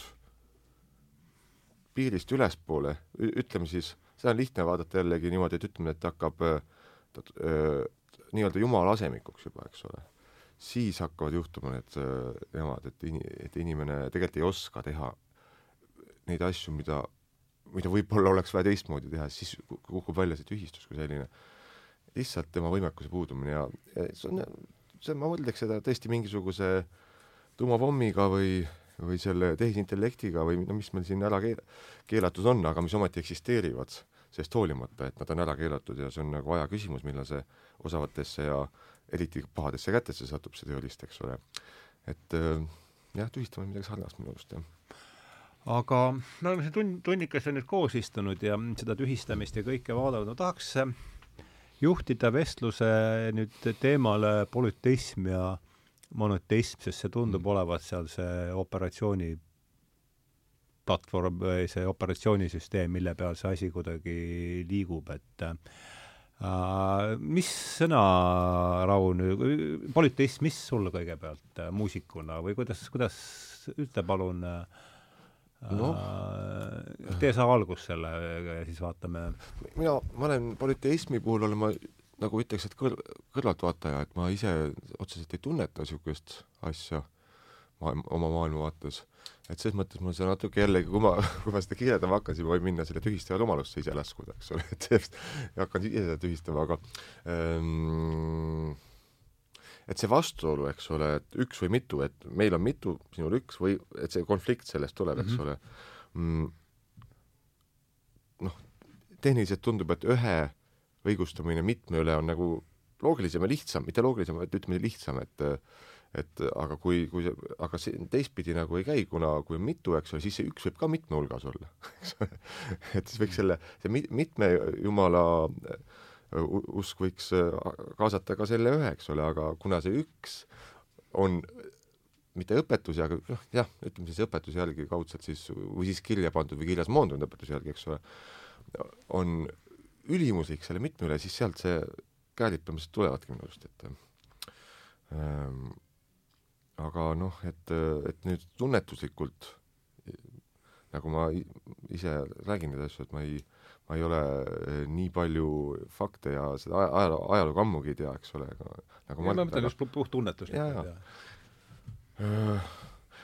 ma isegi ei julgeks selle, sellele mingisugust tühistavat või mittetühistavat soovitust välja kuulutada, kumb see õige on, eks ole, aga äh, minu, minu arust on nagu en-, enda nagu võimekuse teadlikkus on kõige siin tähtsam, et kui sa hakkad enda võimekust ületama, siis, siis sul on kergem hakata tühistama, sest osad asjad on juba mitte arvesse võetud ja, ja sa oled võimu, võimukanalites nii-öelda.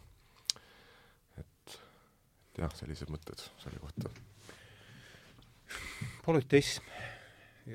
räägi palun, sest sa oled seda asja sada korda rohkem, sest võtta kokku see antiikaja polüteistlik niisugune raadiokuulajale mingi sellise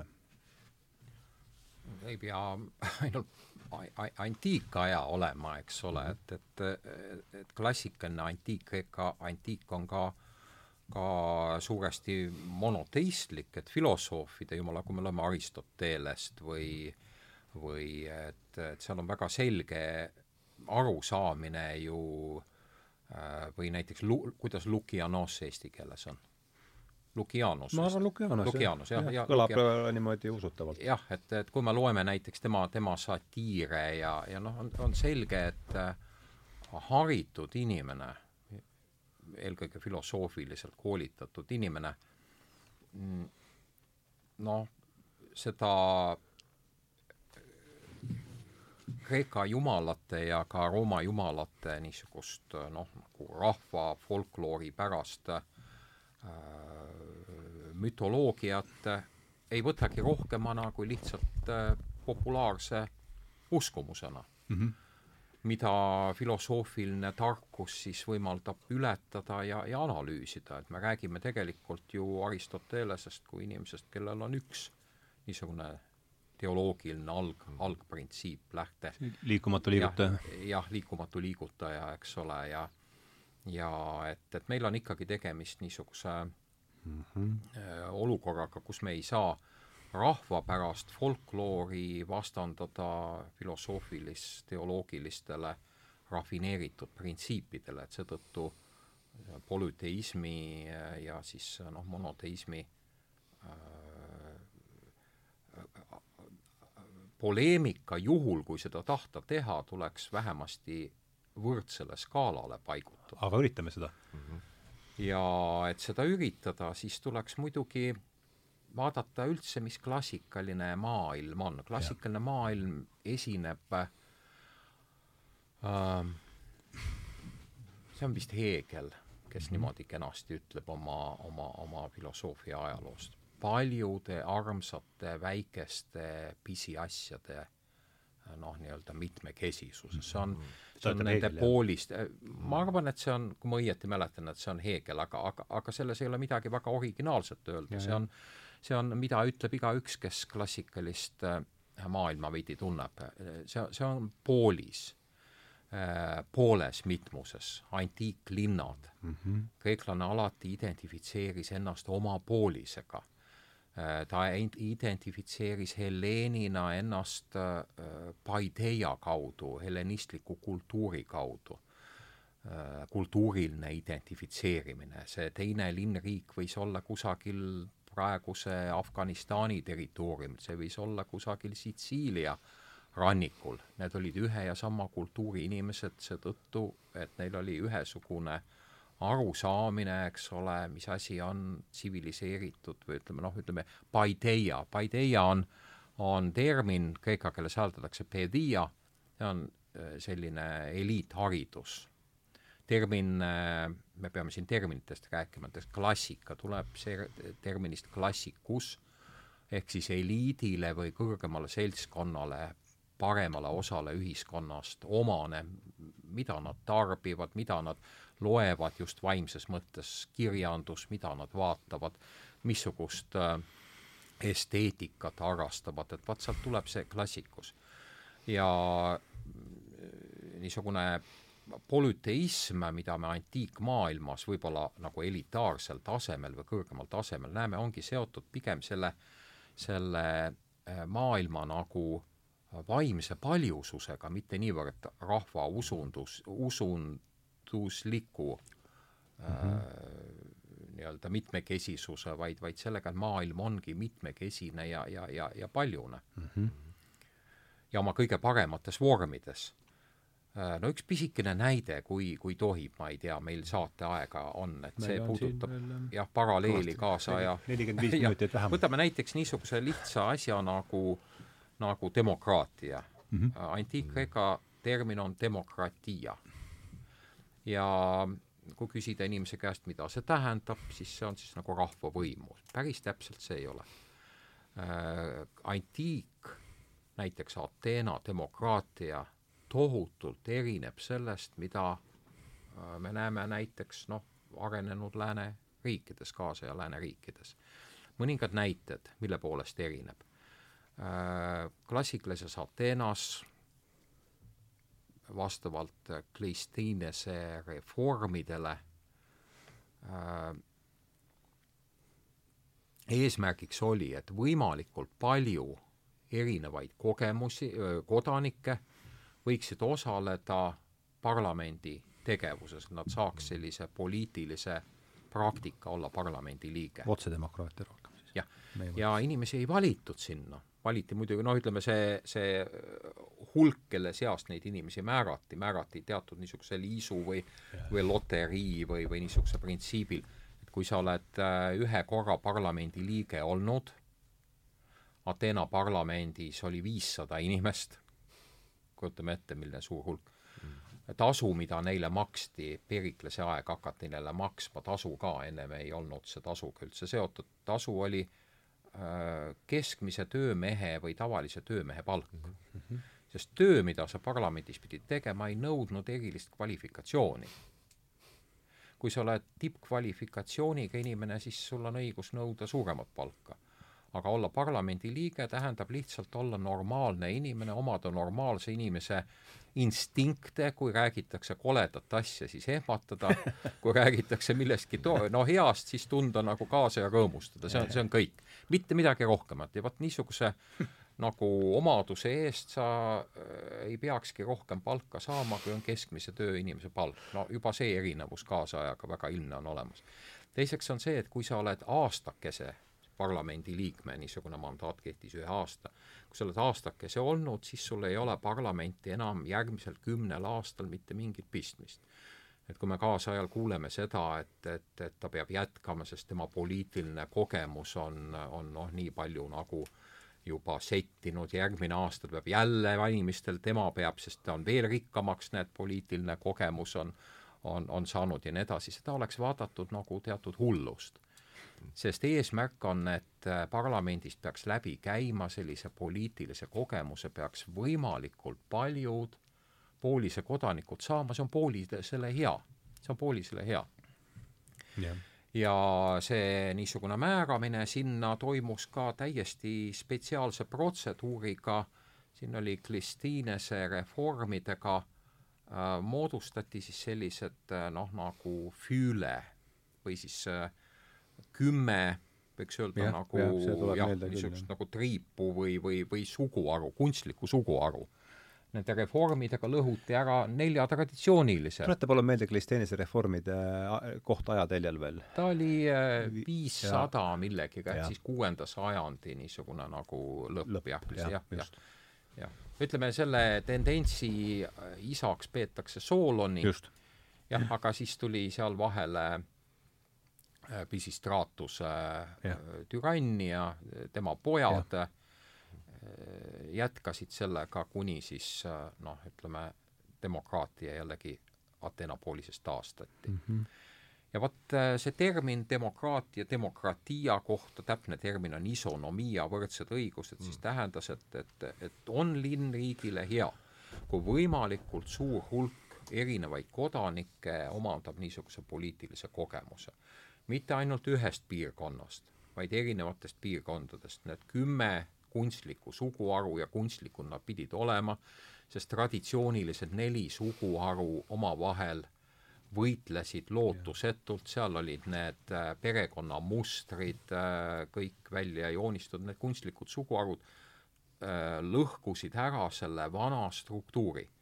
ja nendesse uutesse, võiks öelda siis nagu suguharudesse või füüledesse, asetati üks osa oli mere, Paralia piirkonna inimesi, siis oli linna kodanikke, jah, vaata ennast, üks oli sisemaal. see tuletab meelde, kas äh, kaasaegsed poliitilised parteid on ju ka mingil määral ku- kunstlikud suguharud, see tuletab mulle kuidagi, äh, see paralleel tekkis mul, äh, see kunstlik suguharu on päris hea, on päris hea sõnapaar, kõnetas kuidagi kohe või mis sa noh, ta on teistel, absoluutselt teistel printsiipidel on kaasaja jah, parteid. tähendab, nendel kunstlikel suguharudel või fiiledel, kreeka keeles siis äh, fiili, fiili mm Mhm. on kreeka keeles fiili, on files, fiili, files, on äh, äh, eelkõige regionaalne muster ja neil mm. ei ole mitte mingisugust sellist noh, nagu partei äh,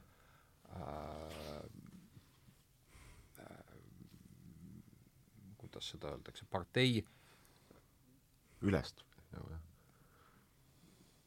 mul ei tule praegu sõna meelde, ütleme mitte, mitte, mitte manif-, ütleme, ma no parteidel on erinevad, äh, mis asjad.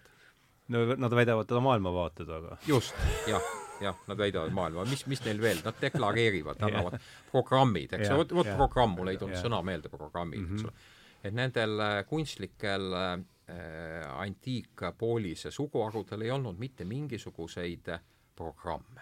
mm -hmm. Mm.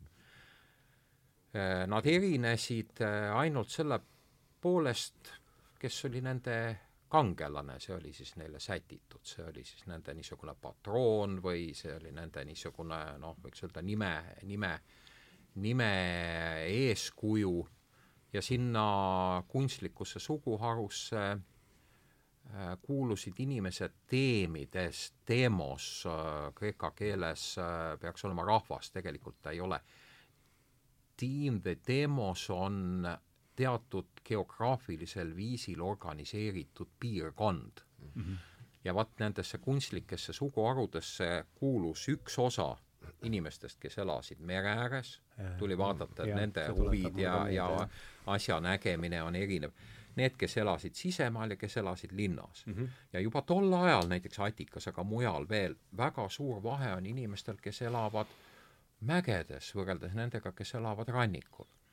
Mm, minu kolleeg Ateena ülikoolist, professor Konstantinos Voudouris, praegu juba noh, kaheksakümne viie aastane mees, rääkis mulle huvitava loo ja Kreekas ei ole ju mitte ükski piirkond merest väga kaugel, rääkis mm. huvitava loo, kuidas ta noh, esimest korda elus merd nägi, ta oli sündinud mägipiirkonnas ja kolmeteistaastasena koos vanaemaga ühest külast teise minnes jääb ta korraga mäe nõlva peale seisma, vaatab seal taamal midagi sinist liigub, mis ei ole taevas, midagi niisugust teistmoodi.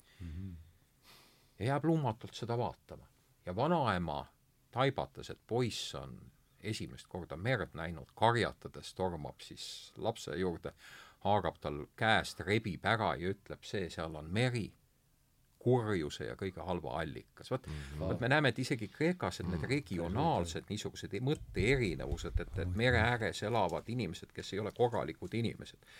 Äh, meri on midagi, äh, Kreekas kohtasin ka ühte Eesti soost ortodoksi preestrit, kes ähm, uhkusega mulle ütles, et ta kakskümmend aastat ei ole meres ujunud, et seal on et, et, et, et äh, ühe piirkonna inimesed demoniseerivad teise piirkonna inimesi, eks ole mm, -hmm. mägede inimesed siis näevad äh, maismaa inimesi teistmoodi, ranniku inimesi teistmoodi ja vastupidi. no see on, see on vähemasti, see on küll kaasaegsetesse poliitilistesse suguharudesse üle tulnud, see teise, teise tema demoniseerimine. aga, aga, aga et nii pisikeses kohas nagu Attika näiteks mm, -hmm. me räägime ju Attikast, Ateenast, eks ole, linnriigist, ja vot see füüle või see kunstlik suguharu ta näeb ette seda, et tegelikult need väga eritüübilised inimesed, mereääre inimene, maismaa inimene ja mägede inimene, et nad on pandud ühte sellesse struktuuri mm. -hmm. vot see näitab ka, et meil ei ole mitte maailmavaade siin niisuguseks keskne, mingi partei programm, põhimõte. printsiibid on teised. jah, printsiip, absoluutselt teised, et kui me räägime näiteks jah, antiike demokraatiast, siis äh, kaasaja demokraatiaga võrreldes ei ole säilinud mitte midagi rohkemat kui ainult see termin demokratia või siis äh, aga erinevusi on veel, veel teisi.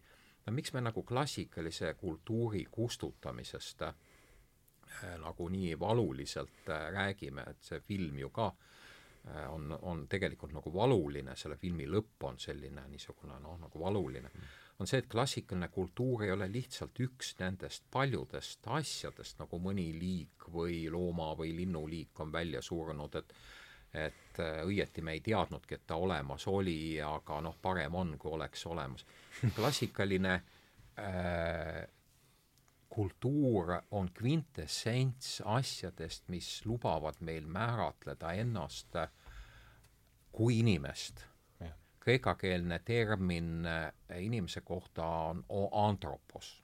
Ja nagu Kreeka äh, filoloogid mulle on ütelnud, siis see lähteallikas on pandud kokku anotropos, see on nagu kõrgem koht või antropos on inimene, kes hoiab pilku kõrgel. olla inimene tähendab äh, noh, olla füüsilises mõttes, nagu sa oled, sinu elupäevad, kõik saatus, mida sa ei kontrolli, aga mida sa saad kontrollida, sa saad kontrollida oma suhtumist ja mõtlemist. Ja vot see on see, mis teeb sinust inimese ja klassikaline kultuur on hinnaline varamu kvintessents nendest vahenditest, instrumentidest, mis võimaldavad meil olla inimesed. kui, kui antiikkreeklased istusid teatronis, vaatasid näiteks Sofoklase Antigonet või, või teisi tragöödiaid, siis nad õppisid äh, nägema seda mis on hübrise või ülima niisuguse jultumuse äh, kohutavad katastroofilised tagajärjed. Äh, nad õppisid äh, nägema inimese kohta midagi, nad õppisid pilku teritama, et karakterit märgata. klassikaline kultuur oma printsiipides, ei midagi liiast, mõõdukus, mis eristab klassikalist Kreeka skulptuuri näiteks noh, hilishelenistlikust Rooma skulptuurist ei ole mitte lihtsalt see, et Rooma skulptuur on äh, steroididel, ta on nagu rohkem musklimees ja ja, ja tehtud äh, võib-olla siis sellises dünaamilisemas äh, vormis, vaid, vaid võiks öelda isegi temaatiline erinevus. poiss, kes võtab jalast pindu, tüdruk, kes hoiab lilli käes, me oleme inimesed, väga, väga haprad kui sellised, aga, aga, aga me saame olla seda parimal viisil äh, kui äh, me omame seos selle klassikalise kultuuriga, et tegelikult see klassikaline kultuur on nii, nii, nii, nii habras, et professor Marta, Marta Nussbaum on kirjutanud just klassikalise kultuuri niisugusest nagu haprusest, võiks mm -hmm. öelda. et seda on nii, nii lihtne purustada. ja minu enda jaoks ka äh, noh, Euroopa kultuuri paremik on antiik ja selle järellainetused erinevate renessansi vormides et kui näiteks me istume siin Edmund Burke'i seltsis, kui me vaatame, mis on Edmund Burke'i haridus, Robert Hooke, Robert Boyle, need on inimesed, kes on kõik käinud Grand Touril, mis asi oli Grand Tour, Grand Tour oli see, et et Inglise kõrgklassi nooruks saadetakse mandrile ja lõplik punkt on, lõpp-punkt on siis Itaalia kokkupuude selle klassikalise maailmaga, mida ta on kodus õppinud, ta oma pilguga näeb, istub selle kivi peal ja teritab oma pilku või siis näiteks noh, Edward Gibbon mm., kes istub Roomas ja, ja mõtleb, mis selle linnaga on juhtunud. mis, mis, mis see, mis see oli mm.. jah, ja sealt tuleb muidugi see tema antikristlik niisugune moment, hiljem ta ütleb, et te võite mind nimetada antikristlaseks, aga ärge nimetage mind valetajaks, eks mm. ole, et, et et ma olen, olen ikkagi jah, jah, ajalooline küsiks vahepeal äh, Rauni käest, et äh, muusika poole pealt just, et see, palju me üldse antiikmuusikast midagi teame? ja, ja jah, et kas sealt on mingitki üldse sellist kõlatunnetust sellest või et ei ole ju noort tema kujutan ette, et, et just kas see on puhas fantaasia? no selles mõttes ma, seda infot on nii vähe, et ma pole, ma pole ise su, suvatsenud sellesse ikka süva, süvenema hakata. Ja ma arvan, et lihtsalt seda infot tegelikult ei olegi, et selles mõttes, et öö, Õhtumaade muusika mm, noh, põhineb ikkagi ühe, tähendab, see, mida, mis on teada ja mis on säilinud infona, on ühehäälne kirikulaul on justkui selle algus ja siis, mis omakorda siis äh, sarnaneb iga noh, tegelikult võiks äh, seda vaadata natuke niimoodi ka, et ühesõnaga, Õhtumaade muusika algus on ühehäälne kirikulaul, jah? ja, mm -hmm. ja, ja, ja kus see huvitaval kombel säilinud praegu on paremini, kui meil on äh, on islamikultuur isegi, et ähm, kas või, eks ole, mošee laul ja, üldse see, isegi see häälekoolini välja, kuidas inimene häält tekitab, see, kui, me mõtleme, eks ole, kuidas mošee laulja on põhimõtteliselt inimruupar, eks ole, ja, ja laulab niimoodi, et väga kaugele on kosta, siis kui siis mõtleme üheksasest või noh, ütleme romantistliku ajastu klassikalist häält, mis on rafineeritud, reguleeritud ja vot lausa, lausa nagu ära ilmutatud, eks ole, siis noh, noh, me tegelikult ühes saates sellest rääkisime juba ka, aga puutume korraks seda veel, et Gregoriuse laul on, eks ole mm, -hmm. üks, üks ära romantiseeritud muusika ja siis noh, see on ideaalne näide muusika kujul sellest, kuidas asjad tõlkes või poeesia läheb tõlkes kaotsi või jah, just nimelt poeesia moondub.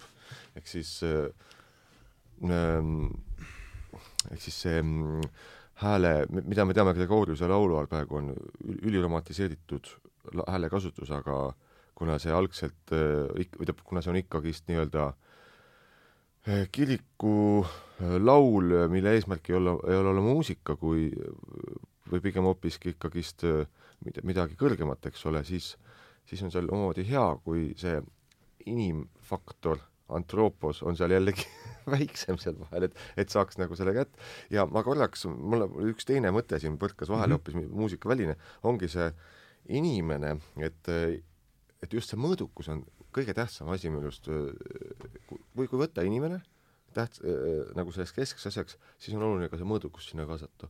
sest et kui me võtame inimese äh, ekstreemsena ja, ja, ja põhimõtteliselt ikkagist jumalusena või niimoodi, siis ju hakkavadki juhtuma need võim, võimuasjad nagu, nagu tühistamised mm -hmm. või võimu ajal, et ja just, just see, mulle väga meeldis see mõõdukuse parameeter, mida ma, Mart rääkis ikkagi polüteistlikust maailmast, eks ole, oli see mõõdukuse tasakaal. ei no see on, see on kogu klassikalise ja, kultuuri ja. alus äh, Mirven Agan, ei midagi liiast mm, -hmm. metron ariston, mõõt kõiges mm, -hmm. see oli üks nendest asjadest, mis oli suisa kirjutatud noh, on teada Delfis mm -hmm. Apollo templi lähedasele niisugusele noh, nagu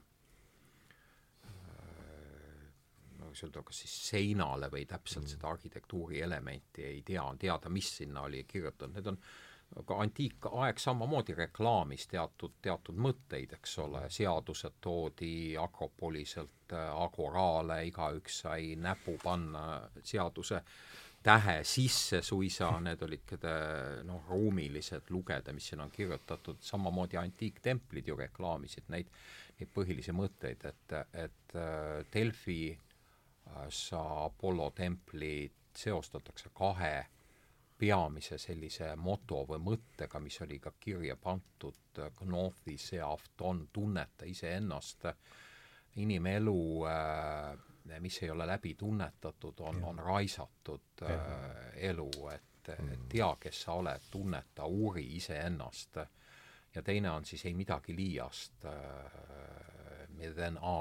mm.. ja seda me näeme me näeme ka klassikalises kultuurist Cicero ju peaaegu vaesuskogudes äh, noh, ütleme just klassikalist, mitte helenistlikku perioodi, aga klassikalist varasemat äh, Kreeka skulptuuri, kirjutab kirju oma sõpradele, kes on kes on äh, Kreeka aladel, püüdke leida midagi, mis minu gümnaasiumi ja raamatukoguga sobiks. Ja ja, ja miks just see skulptuur, mitte, mitte see, mida Roomas tehti, kui me mhm. räägime terminit, kasutame Rooma skulptuur, need olid, need olid Rooma ajal tehtud äh, skulptuurid, tavaliselt kreeklased tegid neid asju ja tegid, tegid järgi, lõid mõnikord ka uued, kus oli rohkem musklit, äh, dünaamikat, aga klassikaline skulptuur, seal oli kõik nagu tasakaalus, ei midagi liiast.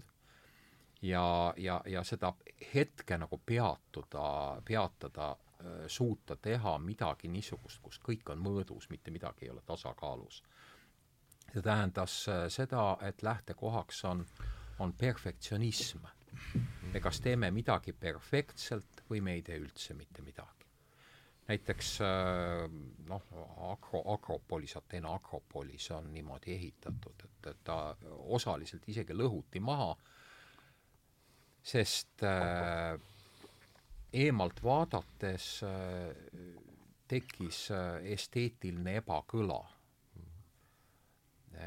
Täpsete printsiipide järgi oli ta loomulikult loodud, aga, aga looduses teatud asjad on natukene teistmoodi, matemaatika alati ei kehti, kui sa sildasid ja muid ehitad, et seal on mingi niisugune füüsikaline moment tuleb juurde.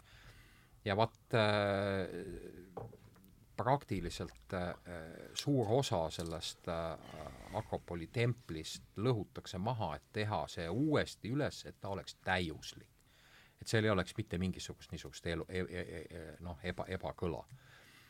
et äh, mõõt kõiges äh, täiuslikkuse printsiip ja noh, kui me rääkisime siin muusikast, ma muidugi Rauni juttu oleks täiendanud äh, lisaks nendele kirikulauludele ka Orfeuse hümnide ja, ja Delfi hümnide ja kõikide nende, nende asjadega, kus muusikainstrumendid olid kaasatud, et meil on tegelikult väga palju teada antiikaja muusika, muusika kohta, kuidas teda esitati, aga see on võib-olla järgmise saate või ühe järgmistest saadetest see oleks huvitav teema mm, -hmm. jah. see oleks väga huvitav aga jah, klassikaline maailm eelkõige on kvintessents teatud niisugustest noh, nagu printsiipidest. ja mitmekesisus, ma saan aru, see, me hakkasime ta, sellest ta, Hegeli ta, juurest läksime niimoodi ja ta on jah, seda mitmekesisust ei tuleks mõelda noh, niisuguse kaheteist jumala mitmekesisusena mm, -hmm. mida harilikult äh, joonistatakse siis populaarsetes õpikutes ja -huh. osutatakse sellele huumoriga, et, et näete, et tõeline jumal on see, keda sa ei näe, kes on puhtvaimne, aga noh, need inimesed, kes lõid teaduse, teatri, kunsti ja kõik muu ühes osas olid väga naiivsed ja see üks osa, milles nad olid väga naiivsed, et see oli religioon, et nemad uskusid nendesse kaheteistkümnesse jumalasse. loomulikult see asi niimoodi ei olnud, inimene usub äh, ja teab asju vastavalt oma intellekti äh, kapatsiteedile, haridusele ja noh, kreeklaste puhul see mitmekesisus juba väljendub äh, äh, niisuguses noh, nagu rändamises, nende uudishimus, kreeklane on väga uudishimulik inimene tänapäeval. Välja, kui te lähete, ta uurib, küsib, äh, see, mida ta uurib ja küsib, see on väga niisugune noh, teistmoodi võrreldes näiteks sellega, kui te Türki lähete, et kus püütakse midagi lihtsalt maha tulla müüa, uuritakse, kas sul on raha ja mis asja vastu sa oled huvitatud. kreeklase, kreeklase tähelepanu ja huvi on, on kaasajani teist, teistmoodi. ja üks oluline muudatus, mis klassikalises Kreeka maailmas ka tuleb, on muidugi seotud Makedoonia Aleksandruse või Aleksandri, Aleksander Suure ekspeditsiooniga mis ei olnud pelgalt sõjaline ekspeditsioon mm,, on teada, et, et seal suur oli, turismireis. jah, seal oli suur turismireis, seal oli mitusada õpetlast, insenerid, ma olen ise selles kohas olnud, kus Olümpose mäe jalamil, koht kannab nimetust Lion, kus äh, noor Aleksander Suur siis harjutas äh, oma legioon, äh, faalangsite liikumist Makedoonia falaksite liikumist. ja seal äh, olid siis äh, telgid püsti pandud, sinna oli kutsutud äh, Kreeka linnriikide esindajad, noor Aleksandros käib telgist telki säravate silmadega, räägib plaani minna sinna kaugele alale. ja see ei ole lihtsalt niisugune noh, Pärsiaga me teame, see asi ei piirdunud mm. -hmm ja kokkupuude Indiaga loob täiesti uue kultuuri ja. jah, India, Kreeka kuningriigid, mis tekivad, Kreeka mõjud Indias, India mõtteviisi mõju, väga suur mhm. tohutu mõju äh, noh, Kreeka, Kreeka aladele, praktilise filosoofia koolkonnad, näiteks äh, skeptitsism, mis jällegi on moonutatud termin paljudele termin skeptitsism tuleneb ju terminist skeptome, eks ole, äh, skeptikos, see tähendab äh, mõtleja, skeptome, mõtleme jah, jah. tähendab, skeptik on inimene, kes mõtleb. jah äh,, epikuurlane äh, hilisemas traditsioonis äh, põhimõtte lage, elu nautleja, eks ole, epikuurlik eluviis. tegelik äh, epikuuri ja epikuurliku filosoofia eesmärk on on peaaegu et askeetiline vaoshoitus, hingerahu, ataraksia saavutamine või siis näiteks äh, apaatia, kaasaegne termin, märgistab niisugust äh, noh, psüühilist äh, lodevust ja kokkukukkumist äh,, öeldakse, inimene on apaatne, kreekakeelne termin apatia tähendab seda, et sa ei ole äh, moraalsust laostava äh, paatose mängukann. see on apatia. ja see on ka kirikuisadel, paljudel on, on, on see termin, et, et sa näed seal seda, seda vana India mõju, sa näed seal seda, seda varasema Kreeka filosoofia stoitsismi mõju, epikuuruse mõju. ainult, et nendest enam ei räägita. on teatud niisugused kustutamise perioodid, noh, etruskide kultuurist, mida me teame. me näeme hinnalisi hauakambreid, me näeme väga kõrgelt arenenud skulptuuri, kultuur, mis äh, Toskaana, tänapäeva Toskaana aladel äh, eksisteeris, aga meil ei ole kirjanduslikku äh, noh, nagu pärandit praktiliselt, välja arvatud need, mis on sinna kivide peale kirjutatud, käsikirjad, kroonikad, need on kõik kadunud. eriala inimesed on pakkunud välja hüpoteesi, et roomlased kustutasid selle ja.. jah. et seetõttu me ei tea, et me näeme mm. niisugust nagu noh, kustutamistegevust ajaloos äh, noh, päris, päris palju mitmel pool. mis see Valderi klass... romaani nimi on, sest Turm vabandust? Valderil on romaan, sest Etru, Etruskite Turm tuleb sulle ette, ei tule? ma vaatan, otsin üle vaatan ära selle kui tulid jutuks juba. et jah, et, et, et klassikalise kultuuri puhul on lihtsalt äh, see kustutamise äh, noh, tragöödia suurem mm, -hmm. sügavam, sest klassikaline kultuur, nagu me äh, ütlesime, kannab eneses kvintessentsi sellest, mida tähendab olla inimene. Mm. -hmm. et kui me ei oma enam seda teadmist, kui me ei oma enam, enam sidet, siis me barbariseerume, siis me mm -hmm. äh, oleme inimene ainult välisvormilt. ja mitte oma, oma kutsumuselt, mitte oma, oma, oma, oma võimalustelt. et kui näiteks äh, varajase mõtleja, toome siin natuke ka Buda sisse, kui tohib. jah, vot seda ma tahan, sinna ma tahangi teed hakata vaikselt et, nüüd et, et, ütleme, liikuma. kui Buda räägib näiteks tukast või, või kannatusest, siis Ja. see esineb kolmes niisuguses põhilises vormis, üks on näiteks akuutne valu, juhtub sul mingisugune õnnetus äh,, igaüks oskab seda hästi, hästi ette kujutada, kaotad kas mõne kehaliikme või lähedase inimese või hingeline valu, füüsiline valu. Äh, teine tuka või, või niisugune kannatuse liik on, on muutumine, pidev asjade muutumine ja see ei ole see muutumine, et ma olen näiteks lennukis kümme tundi lennanud sundasendis, et ma saan natukene keha asendit muuta, et see on ju hoopis mõnus, vaid muutumine tähendab seda, et sa oled kuidagi nagu elu paika saanud ja midagi radikaalselt muutub.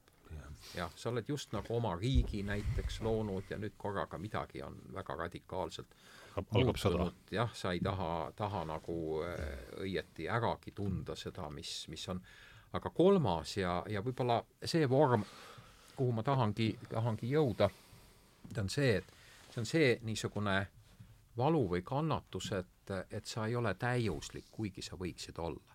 Vaat klassikaline maailm nagu annab meile sellise tendentsi osutub sellisele nagu suunale, mida, mida äh, kuidas me võiksime olla tegelikult nagu, nagu täiuslikud. kui me kaotame, me, me ei ole täiuslikud, me oleme need, kes me oleme, aga antiikklassikaline antiikmaailm seadis vähemasti noh, esile teatud ideaali, et kui need kreeklased, kes seisid Zeusi templi jalamil ja vaatasid neid imekauneid skulptuure seal üleval, ega nad ei olnud ju äh, sugugi nii hea väljanägemisega nagu äh, Afrodite või Apollo või vä väga sageli noh, sõjavigastustega inimesed äh,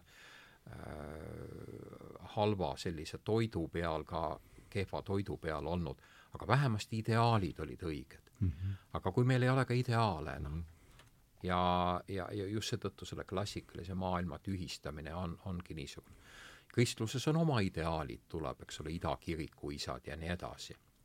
Nende arusaamine siis sellest, et, et me jumalikustame ja, ja kõik need on niisugused neoplatonistlikud elemendid on seal sees, erinevalt näiteks augustiinlusest kus inimene on lihtsalt nagu sündinudki rikkega, defektiga, on, on, sünniliini pealt tulnud defektiga, see on see Aadama päris patt, et idakirikus ei, ei ole niimoodi, eks ole, et seal ei ole seda augustiinlikku, vaid pigem on on inimese ülesanne siin elus nagu muutuda võimalikult sarnaseks nagu, nagu Juma, Jumalaga, seal on see see lõhe Jumala vahel on selle jah, jah, et sa täidad selle, selle nagu äh, noh, ühele jalgpallurile ma seletasin, palus selgitada, mis on vahe Augustiinuse ja idakiriku isade vahel, ma ütlesin, et Augustiinuse järgi noh, et teil seal jalgpalliväljakul on lihtsalt katkine pall on liini pealt tulnud mm. -hmm. pumbake seda palju tahate, ega ta rohkem täis ei lähe, sellega mängida hästi ei saa. et ainult arm on see, mis siis noh, võimaldab teil nagu Mm. tulevases elus sellise kena uue täiusliku sfääri moodustada, aga, aga idakiriku järgi on see, et et see pall on küll äh, lömmis, aga öö, sa saad seda pumbata täis. see on seesama, mis on nagu neoplatonismis, eks ole, selline. et ta ei ole defektne, ta on lihtsalt kuidagi nagu, nagu poolik, temas ei ole seda jumala hingust ja, ja põhimõtteliselt on võimalik täis pumbata. jah, täis punkt. pumbata jah, ainult et noh, see õhk, mida sinna sisse pumbatakse, seda äh, seal ortodoksi kirikus võib-olla ei ole niisugusel määral, nagu võiks olla ja Mhm. ja noh, kuna kõik teised võimalused on, on jäetud kõrvale. nii et jah, nii palju nagu Buda, Buda asjadest, et see kolmas kannatuse aspekt, mida nagu võib-olla enamik inimesi ei tajugi, see on see võib-olla isegi kõige suurem kannatus, et sa, sa ei ole täiuslik, sa ei ole see, kes sa tegelikult võiksid olla inimesena. Et see on väga niisugune tugev kannatus aga selge, no meil, või selge nüüd kuiv-, niivõrd kuivõrd, et aga selge on see, et ütleme, ver-, jällegi stopperi pealt me siin aega ei võta, aga aga kaks tundi ta umbes me oleme sättinud, et, et veerand tundi on jäänud ja, ja nüüd peaks hakkama siis, äh, tähendab seda, et me siseneme nüüd Vinesse ruudustikku ja ja ma tahaks äh, jagada oma vaimustust äh,. leidsin endale hiljuti sellise silmapaistva äh, minu jaoks imetlusväärse mõtleja nagu Houston Smith äh,, Ameerika päritolu religiooni uurija ja tema ütleb ühes oma sellises, tal on seitsmeteistkümneosaline mm. saade, sari viiekümne seitsmendal aastal tehtud, maailma religioonide ajaloost ja meil kuivõrd see Buda tuli sisse ja see Aleksandri India reis, et siis see sobib meelest suurepäraselt. Et ta ütleb, et kui viiesaja aasta pärast ajaloolased vaatavad tagasi kahekümnenda sajandi peale, juhul kui me siin nüüd ennast juba ülehomme õhku ei lase, et, et kui nad viiesaja aasta pärast tagasi vaatavad sellele sajandile, et mis on siis see, millega jääb, millega jääb kahekümnes sajand meelde. ja ta ütleb, et see ei ole mitte aatompomm, et see ei ole ka mitte kommunistlik eksperiment, siis ma mõtlesin, oh, et kuidas see lause nüüd lõpeb äh, ja ütleb, et see on see aeg, kus lääs ja ida saavad esimest korda kokku niimoodi nagu mm. võrdne võrdsega, et et ma tean, Mart, et sul on olnud, on olnud, sa oled India, sa oled ka käinud seal Kagu-Aasias päris ikka kaua, jah. Lõuna-Aasias päris palju ringi äh, liikunud ja Kagu, Kagu, jah, Kagu-Aasias ma olen äh, umbes kümnel aastal elanud niimoodi kaks-kolm kuud, et no sul on ikka isiklik kokkupuude selle et... Äh, see on väga oluline, väga oluline kogemus, väga oluline kultuur, et umbes pool aastat Kreekas jah, ma elan ja siis umbes kaks-kolm kuud, et on on talviti ja nagu Kagu-Aasias. anna palun sellele juurde, et mulle tundub ka, et kõik need mõtlejad, kes on mind kuidagi viimastel aastatel, kus ma olen üldse nende asjade vastu hakanud huvi tundma, on mõjutada, kõigil on mingi, kas mingi ida või Hiina või mingi selline väga noh, selline, et see kuidagi resoneerus minuga, aga ma seda muidu poleks seda teemat üles võtnud, et mis sa sellest mõttest arvad, et see on esimene kord, kus lään ja, lääs ja ida Äh, ja sellega peab kahtlemata nõustama, aga et kahekümnes sajand on siis see veel kord, et kus lääs ja ida esimest korda saavad kokku nagu võrdne võrdsega ja et ja et mis sellest siis sinu arvates, teie mõlema arvates, et see on niisugune vii-, hakkab, hakkab praegu sinust pihta siis, et läheme järjekorras, et kuidas sulle see mõte tundub? selles ma, ma, ma ise, see võrdsus tekitas natukene nagu kahtlust, et kas see, et, et see, see, et ta ideaalis võiks niimoodi olla, on tore, aga ma mõtlen, et kas seda niimoodi siiski vaadata suudetakse, et nagu kahelt poolt, kui olla, olla ise ühe poole esindaja või niimoodi või teise poole, eks ole, kui seda, kui neid polaarsusena vaadata, eks ole, et ähm, äh, ida on äh, üsna palju ka tulnud siia õhtusse siis, õhtumaasse siis ka tegelikult ikkagi popkultuuri kaudu. Ja, ja, ja, ja ka hipikultuuri kaudu ja niimoodi ja selle äh, sa see... mõtled a la Beatleid Indias ja niisugune no, jah, see ja kogu siukene... see, see asi, et ja, ja noh, ma ise olen kuidagi optimistlik võib-olla liigselt, aga ma ei näe nagu nende kahe asja vahel ka otsest strukturaalset konflikti mm. -hmm. et, et see, see ütleb minust ära, et see on täiesti võimalik, eks ole, et see ei ole, seal, seal ei ole nagu see tühistamine ei ole nii võimalik vastastikune, sest et nad on nagu natuke erinevatel kihtidel ja ja alused on väga tihti ühised, et no Indiat on väga keeruline väga tühistada jah, just, eks ole. et, et selles mõttes on see põnev mõttekäik, kui noh, siin üks küsimus ongi see, eks ole, et mis ja kui kristlik on õhtumaa, eks ole, et kui see tähendab, eks ole, ikkagi noh, see siin omamoodi oh, ikkagi see on küll natuke teine sektor, et see Kreeka poole läheme tagasi, aga kui me ikkagi monoteismi ja polüteismi, eks ole, üritame üheks panna, eks ole, siis siin hakkab noh, siin hakkab niisugune huvitav asi, mis, mis mind, ma ei, ma ei suuda seda kaugemale selgitada, aga mul viimasel ajal tekkis, et tekkis küsimus, on, mis on ühe ja mitme vahel. et inimene, noh, kui on rohkem kui üks, siis on juba mitu, eks ole, noh, natuke väheke teist juba, eks ole. aga et et, et kui see, kui sellesse süveneda, siis sealt ei, ei tulegi nagu mõistlikku vastust ja minu jaoks on mõistlik vastus on järelikult see, et et ei, ei hakkagi aru saama. et mm. ma, et see ei, see ei kuulu repertuaari et nii, et, et see, et ja see mõõdukus, see sõna mõõdukus äh, tähendab minu jaoks ka praegu kuidagi jõudis nagu selleni, et ta tähendab nagu vana head kirjeldust vabadusest kui tunnetatud piiratusest, ehk siis see mõõt on ju piir, sa sead mõõdu, sa tead, et seal mõõdu taga on veel üht-teist. Mis võib-olla siis ei kuulu sulle, millega sa ei oska opereerida, mis, mis käib üle jõu, et selle aktsepteerimine ja kokkuvõttes ka alandlikkus ja askeetlus on mõõdukuse teavitat-, noh, mõõdukuse kui teavitatuse vorm, eks ole. et äh, ma arvan, et see mõõdukus on tõesti äh, üks võti, kuidas kindlasti need veel paremini ida ja lääs võiksid siis võib-olla üksteist vaadata, eks ole. mis räägib sellest, et neil ei ole struktuuriliselt konflikte mm. -hmm. Sellise mõttes. Mart, mis, kuidas sulle tundub see, kõlas see kaasa sinuga, see mõte?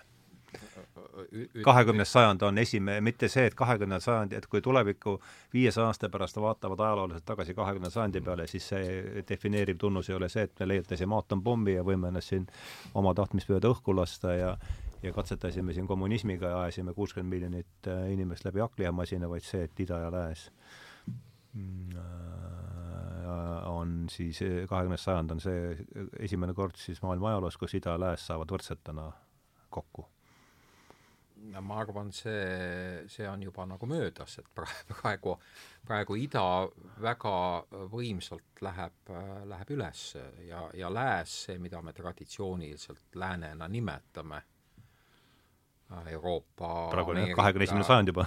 jah, et, et noh, ütleme, muidugi ma paneks Austraalia ja Kanada ja kõik, et, et see on need lääne hulka, jah, need, need nagu lääneriigid et nendel on, on vältimatu selline allakäik praegu, praegu noh, nagu, nagu silme ees, et aga noh, kontaktid, kui me ütleme, et kontaktid ida-lääne vahel, siis need on märksa vanemad, märksa sügavamad, kui me teadvustame. me rääkisime Makedoonia Aleksandruse või Aleksander Suure eestipäraselt ekspeditsioonist. Aga noh, meil on andmed selle kohta, et Dionysos, see on siis Dionüüsos, mida, keda iganes me selle isiku all siis ei mõtleks, see Herakles äh, oli seal, väga tihti noh, niisugused müüdid, äh, mida, millesse professionaalsed ajaloolased suhtuvad skepsise ja muige ja üleolekuga, et nad äh, osutuvad nad osutavad teatud sellistele reaalsetele mm. sündmustele, äh, millega tegelevad amatöörid. Schliemann oli amatöör. Artur Evans, kes kaevas äh, yeah.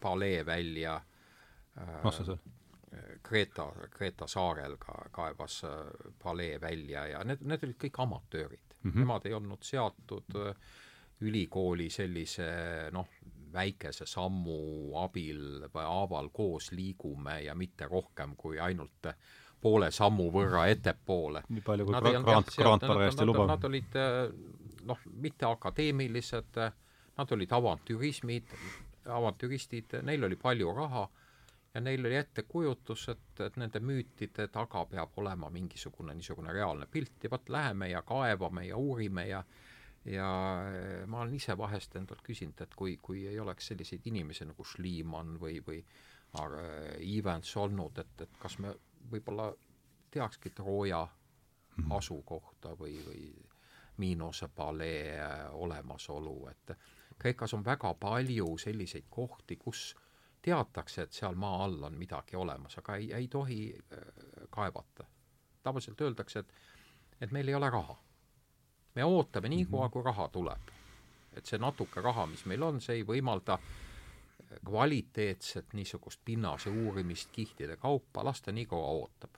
ja väga sageli sellest, see koha, kohta on tekib, tekkinud ka niisugune väike ortodoksi kabel, mis tähendab, et seal kaevetööd nagu ei tohigi enam teha. Need kabelid tekivad üleöö eh, ilma mingisuguse ehitusloata. Mm. -hmm ja nad on kohutavalt inetud, umbes nagu meie mingi alajaama väike niisugune putka, aga sellega nagu on siis see tempel löödud, et see toimik on kinni ja seal ei ole vaja nagu niisugust mm -hmm. no, jah, jah, et, et no võib-olla lihtsalt üks meenutus, et, et, et see tundub võib-olla nagu täiesti absurdne või või kallutatud vaatenurk olevat, ma mäletan aastaid äh, viis vist tagasi Ateena ülikoolis presokraatikute või Sokratese eelse filosoofia konverents mm. -hmm. inimesed äh, kuulavad ettekandeid ja korraga tuleb sinna üks ortodoksi munk, kes äh, noh, hakkab, hakkab laulma. miks ta laulab selles kohas eelsokraatikute konverentsil kõigile jäi see arusaamatuks, aga noh, väga ei tahetud teda segada ka ja ta laulis oma laulu ära ja vot niisugust, kuidas öelda, nagu rivaliteeti selle klassikalise maailma ja selle bütsantsi vahel. Me märkame, muidugi viisakad inimesed äh, käituvad viisakalt, aga nende pingete olemasolu väljendub äh, ebaviisakate ja fanaatiliste inimeste tegudes väga spetsiifilisel viisil, mida ma noh, just praegu nagu illustreerisingi. kas ebaviisakas ja fanaatiline inimene ongi äkki ideaalne mustertühistaja või ega viisakus ei ole äh, tõe otsimise kõige parem instrument või kindlasti ta ei tohiks olla piir sellele. me ju rääkisime minu filmist ka Pareesia, eks ole, et kus äh, nagu noh, visuaalselt uuritakse siis äh, paresiast ja paresiast kindlasti viisakas inimene ei ole mm. -hmm ega ka need Iisraeli prohvetid ei ole ka esimene ilmselt, jah. aga no nii, meil on jäänud siin mm, ütleme, viie minutiga üritaks siis tõmmata vähemalt kokku. tuleb, tuleb mulle meelde üks teine suur lemmik, USA jungiaanlik psühholoog James Hillman on öelnud, et äh, igas äh, praegu on igas hotellitoas on piibel, et äh, sama hästi võiks seal olla Odüsseia, et mis te sellest äh,, mis sellest mõttest arvate? et sellega lõpetame siis sama, sama hea üle, üle, üleskutse võtta saade kokku kuidagi selle mõtte valgusel, võid sealt lasta ka. ma otseselt ei ole midagi, mul ei ole midagi selle vastu, et seal piibel oleks, aga äh, aga küsimus on jah, pigem on siin küsimus just selles, et ähm, et kui sinna satub, kes kes see sinna piibli juurde satub, eks ole, ja mis ta, mismoodi ta selle, mida ta sealt, mihukese liidu ta sealt lugema hakkab ja mis äh, suhtumisega ja mihukest tõlget ja nii edasi ja nii edasi ja nii edasi, eks see, et sealt tuleb see kihtide, palju kihte tuleb vahele, et sealt läheb see üsna subjektiivseks, ma ei, ma ei suuda seda isegi niimoodi üleüldistatult seda mõtet vaadatagi ausalt öeldes. jah, no ütleme, piibel ja Odüsseia, kuidas äh, no mina küsiks äh, mis, mis vahed ja mis on, mis on ühist? kui palju üldse inimesi tänapäeval on, kes, kes kumbagi loeb. ja, ja loeb, eriti lääne, läänealas, et kui te ja. lähete äh, no nooremate inimeste kodudesse, te, te ei leia sealt enam raamatuid, eks ole, võib mm. öelda, et me loeme raamatuid nüüd nende tahvelarvutite kaudu, PDF-i kaudu, aga kas seda loetakse mm.? haruldane kogu on näiteks, loeb Classical Library, kus on äh, umbes viissada ja rohkem klassikalise autori teost äh, ühel äh, lehel originaalkeeles, kreeka ladina keeles äh,, teisel lehel siis noh, heas ingliskeelses tõlkes. vabalt kättesaadav, kui palju inimesi sellise asjaga näiteks tegeleb või loeb või kui palju inimesi on mõttega piiblitki kas või lugenud või mingisugust teist, teist teost, et äh, pigem on küsimus jah see, et, et kas üldse loed, luge-, loetakse ja kas osatakse, osatakse lugeda, sest lugemine tähendab ka, ka mõtlemist, on suur vahe, kas sa, kas sa loed lihtsalt või sa loed mõttega. Mm. -hmm ja Bertrand Russell, võib-olla see ongi kena niisugune lõpetus, on ütelnud omal ajal, et, et üldse väga vähe inimesi oskab lugeda, nendest, kes lugeda oskavad, äh, loevad äh, banaalseid asju. Ja sellest väikesest osast, äh, kes ei loe banaalseid asju, kui palju nendest inimestest, kes banaalseid asju ei loe, suudab aru saada sellest, mida nad loevad. just oli seal veel ka niimoodi, et et ja siis väiksem osa loeb selleks, et otsida kinnitust oma eelarvamustele, et neid me nimetame rafineeritud publikuks või midagi sellist, kuidagi mul on, mul on veel mingi niisugune vinjett jäänud meelde sellest Russelli selles.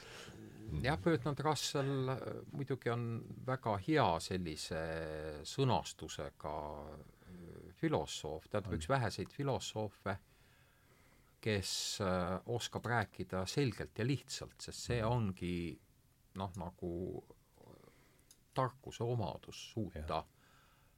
asjadest äh, rääkida lihtsas, arusaadavas ja olemusi tabavas keeles. näiteks kui me vaatame äh, noh, budistlikke sutasid või, või seal ei ole mitte midagi keerulist. ma imestan, et inimesed nii vähe, suta on paali keeles, eks ole, sutra on siis sanskritis, et, et nad ei loe allikmaterjale.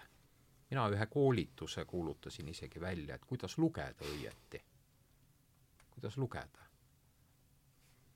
Äh, kaasajal on palju neid kursusi, kutsuti mind ka sinna, et kuidas kiirelt lugeda, et mm -hmm. õppida kiirelt mm -hmm. lugema. teate, äh, mina eelistan lugeda aeglaselt ja taibata kiirelt vastupidiselt sellele, et lugeda kiirelt ja taibata aeglaselt või üldse mitte taibata. Mina, mina loen aeglaselt ja taipan aeglaselt. Aga, aga niimoodi saab ka. nii. Aga see on, see on hea koht, millega tõmmata tänasele vestlusele joon alla, et aitäh, Raun Juurikas, aitäh, Mart Raukas, oli väga põnev äh, vestlus, aitäh, et leidsite aega ja ja suur tänu, suur tänu teile ja suur tänu kõigile, kes te meid kuulasite, suur tänu, kes on teinud sellise mokalaada meil siin võimalikuks ja, ja et, et on olemas internet, sest kui seda poleks, siis noh, et see oleks raadio. siis oleks meil juba kõik, kõigi, kõik selge. Et nüüd on vähemasti pilt vähe niisugune ähmasem. et panen peale siis, vajutan vajalikele nuppudele ja siis äh, lähme lahku suuremate sõpradena, kui me enne olimegi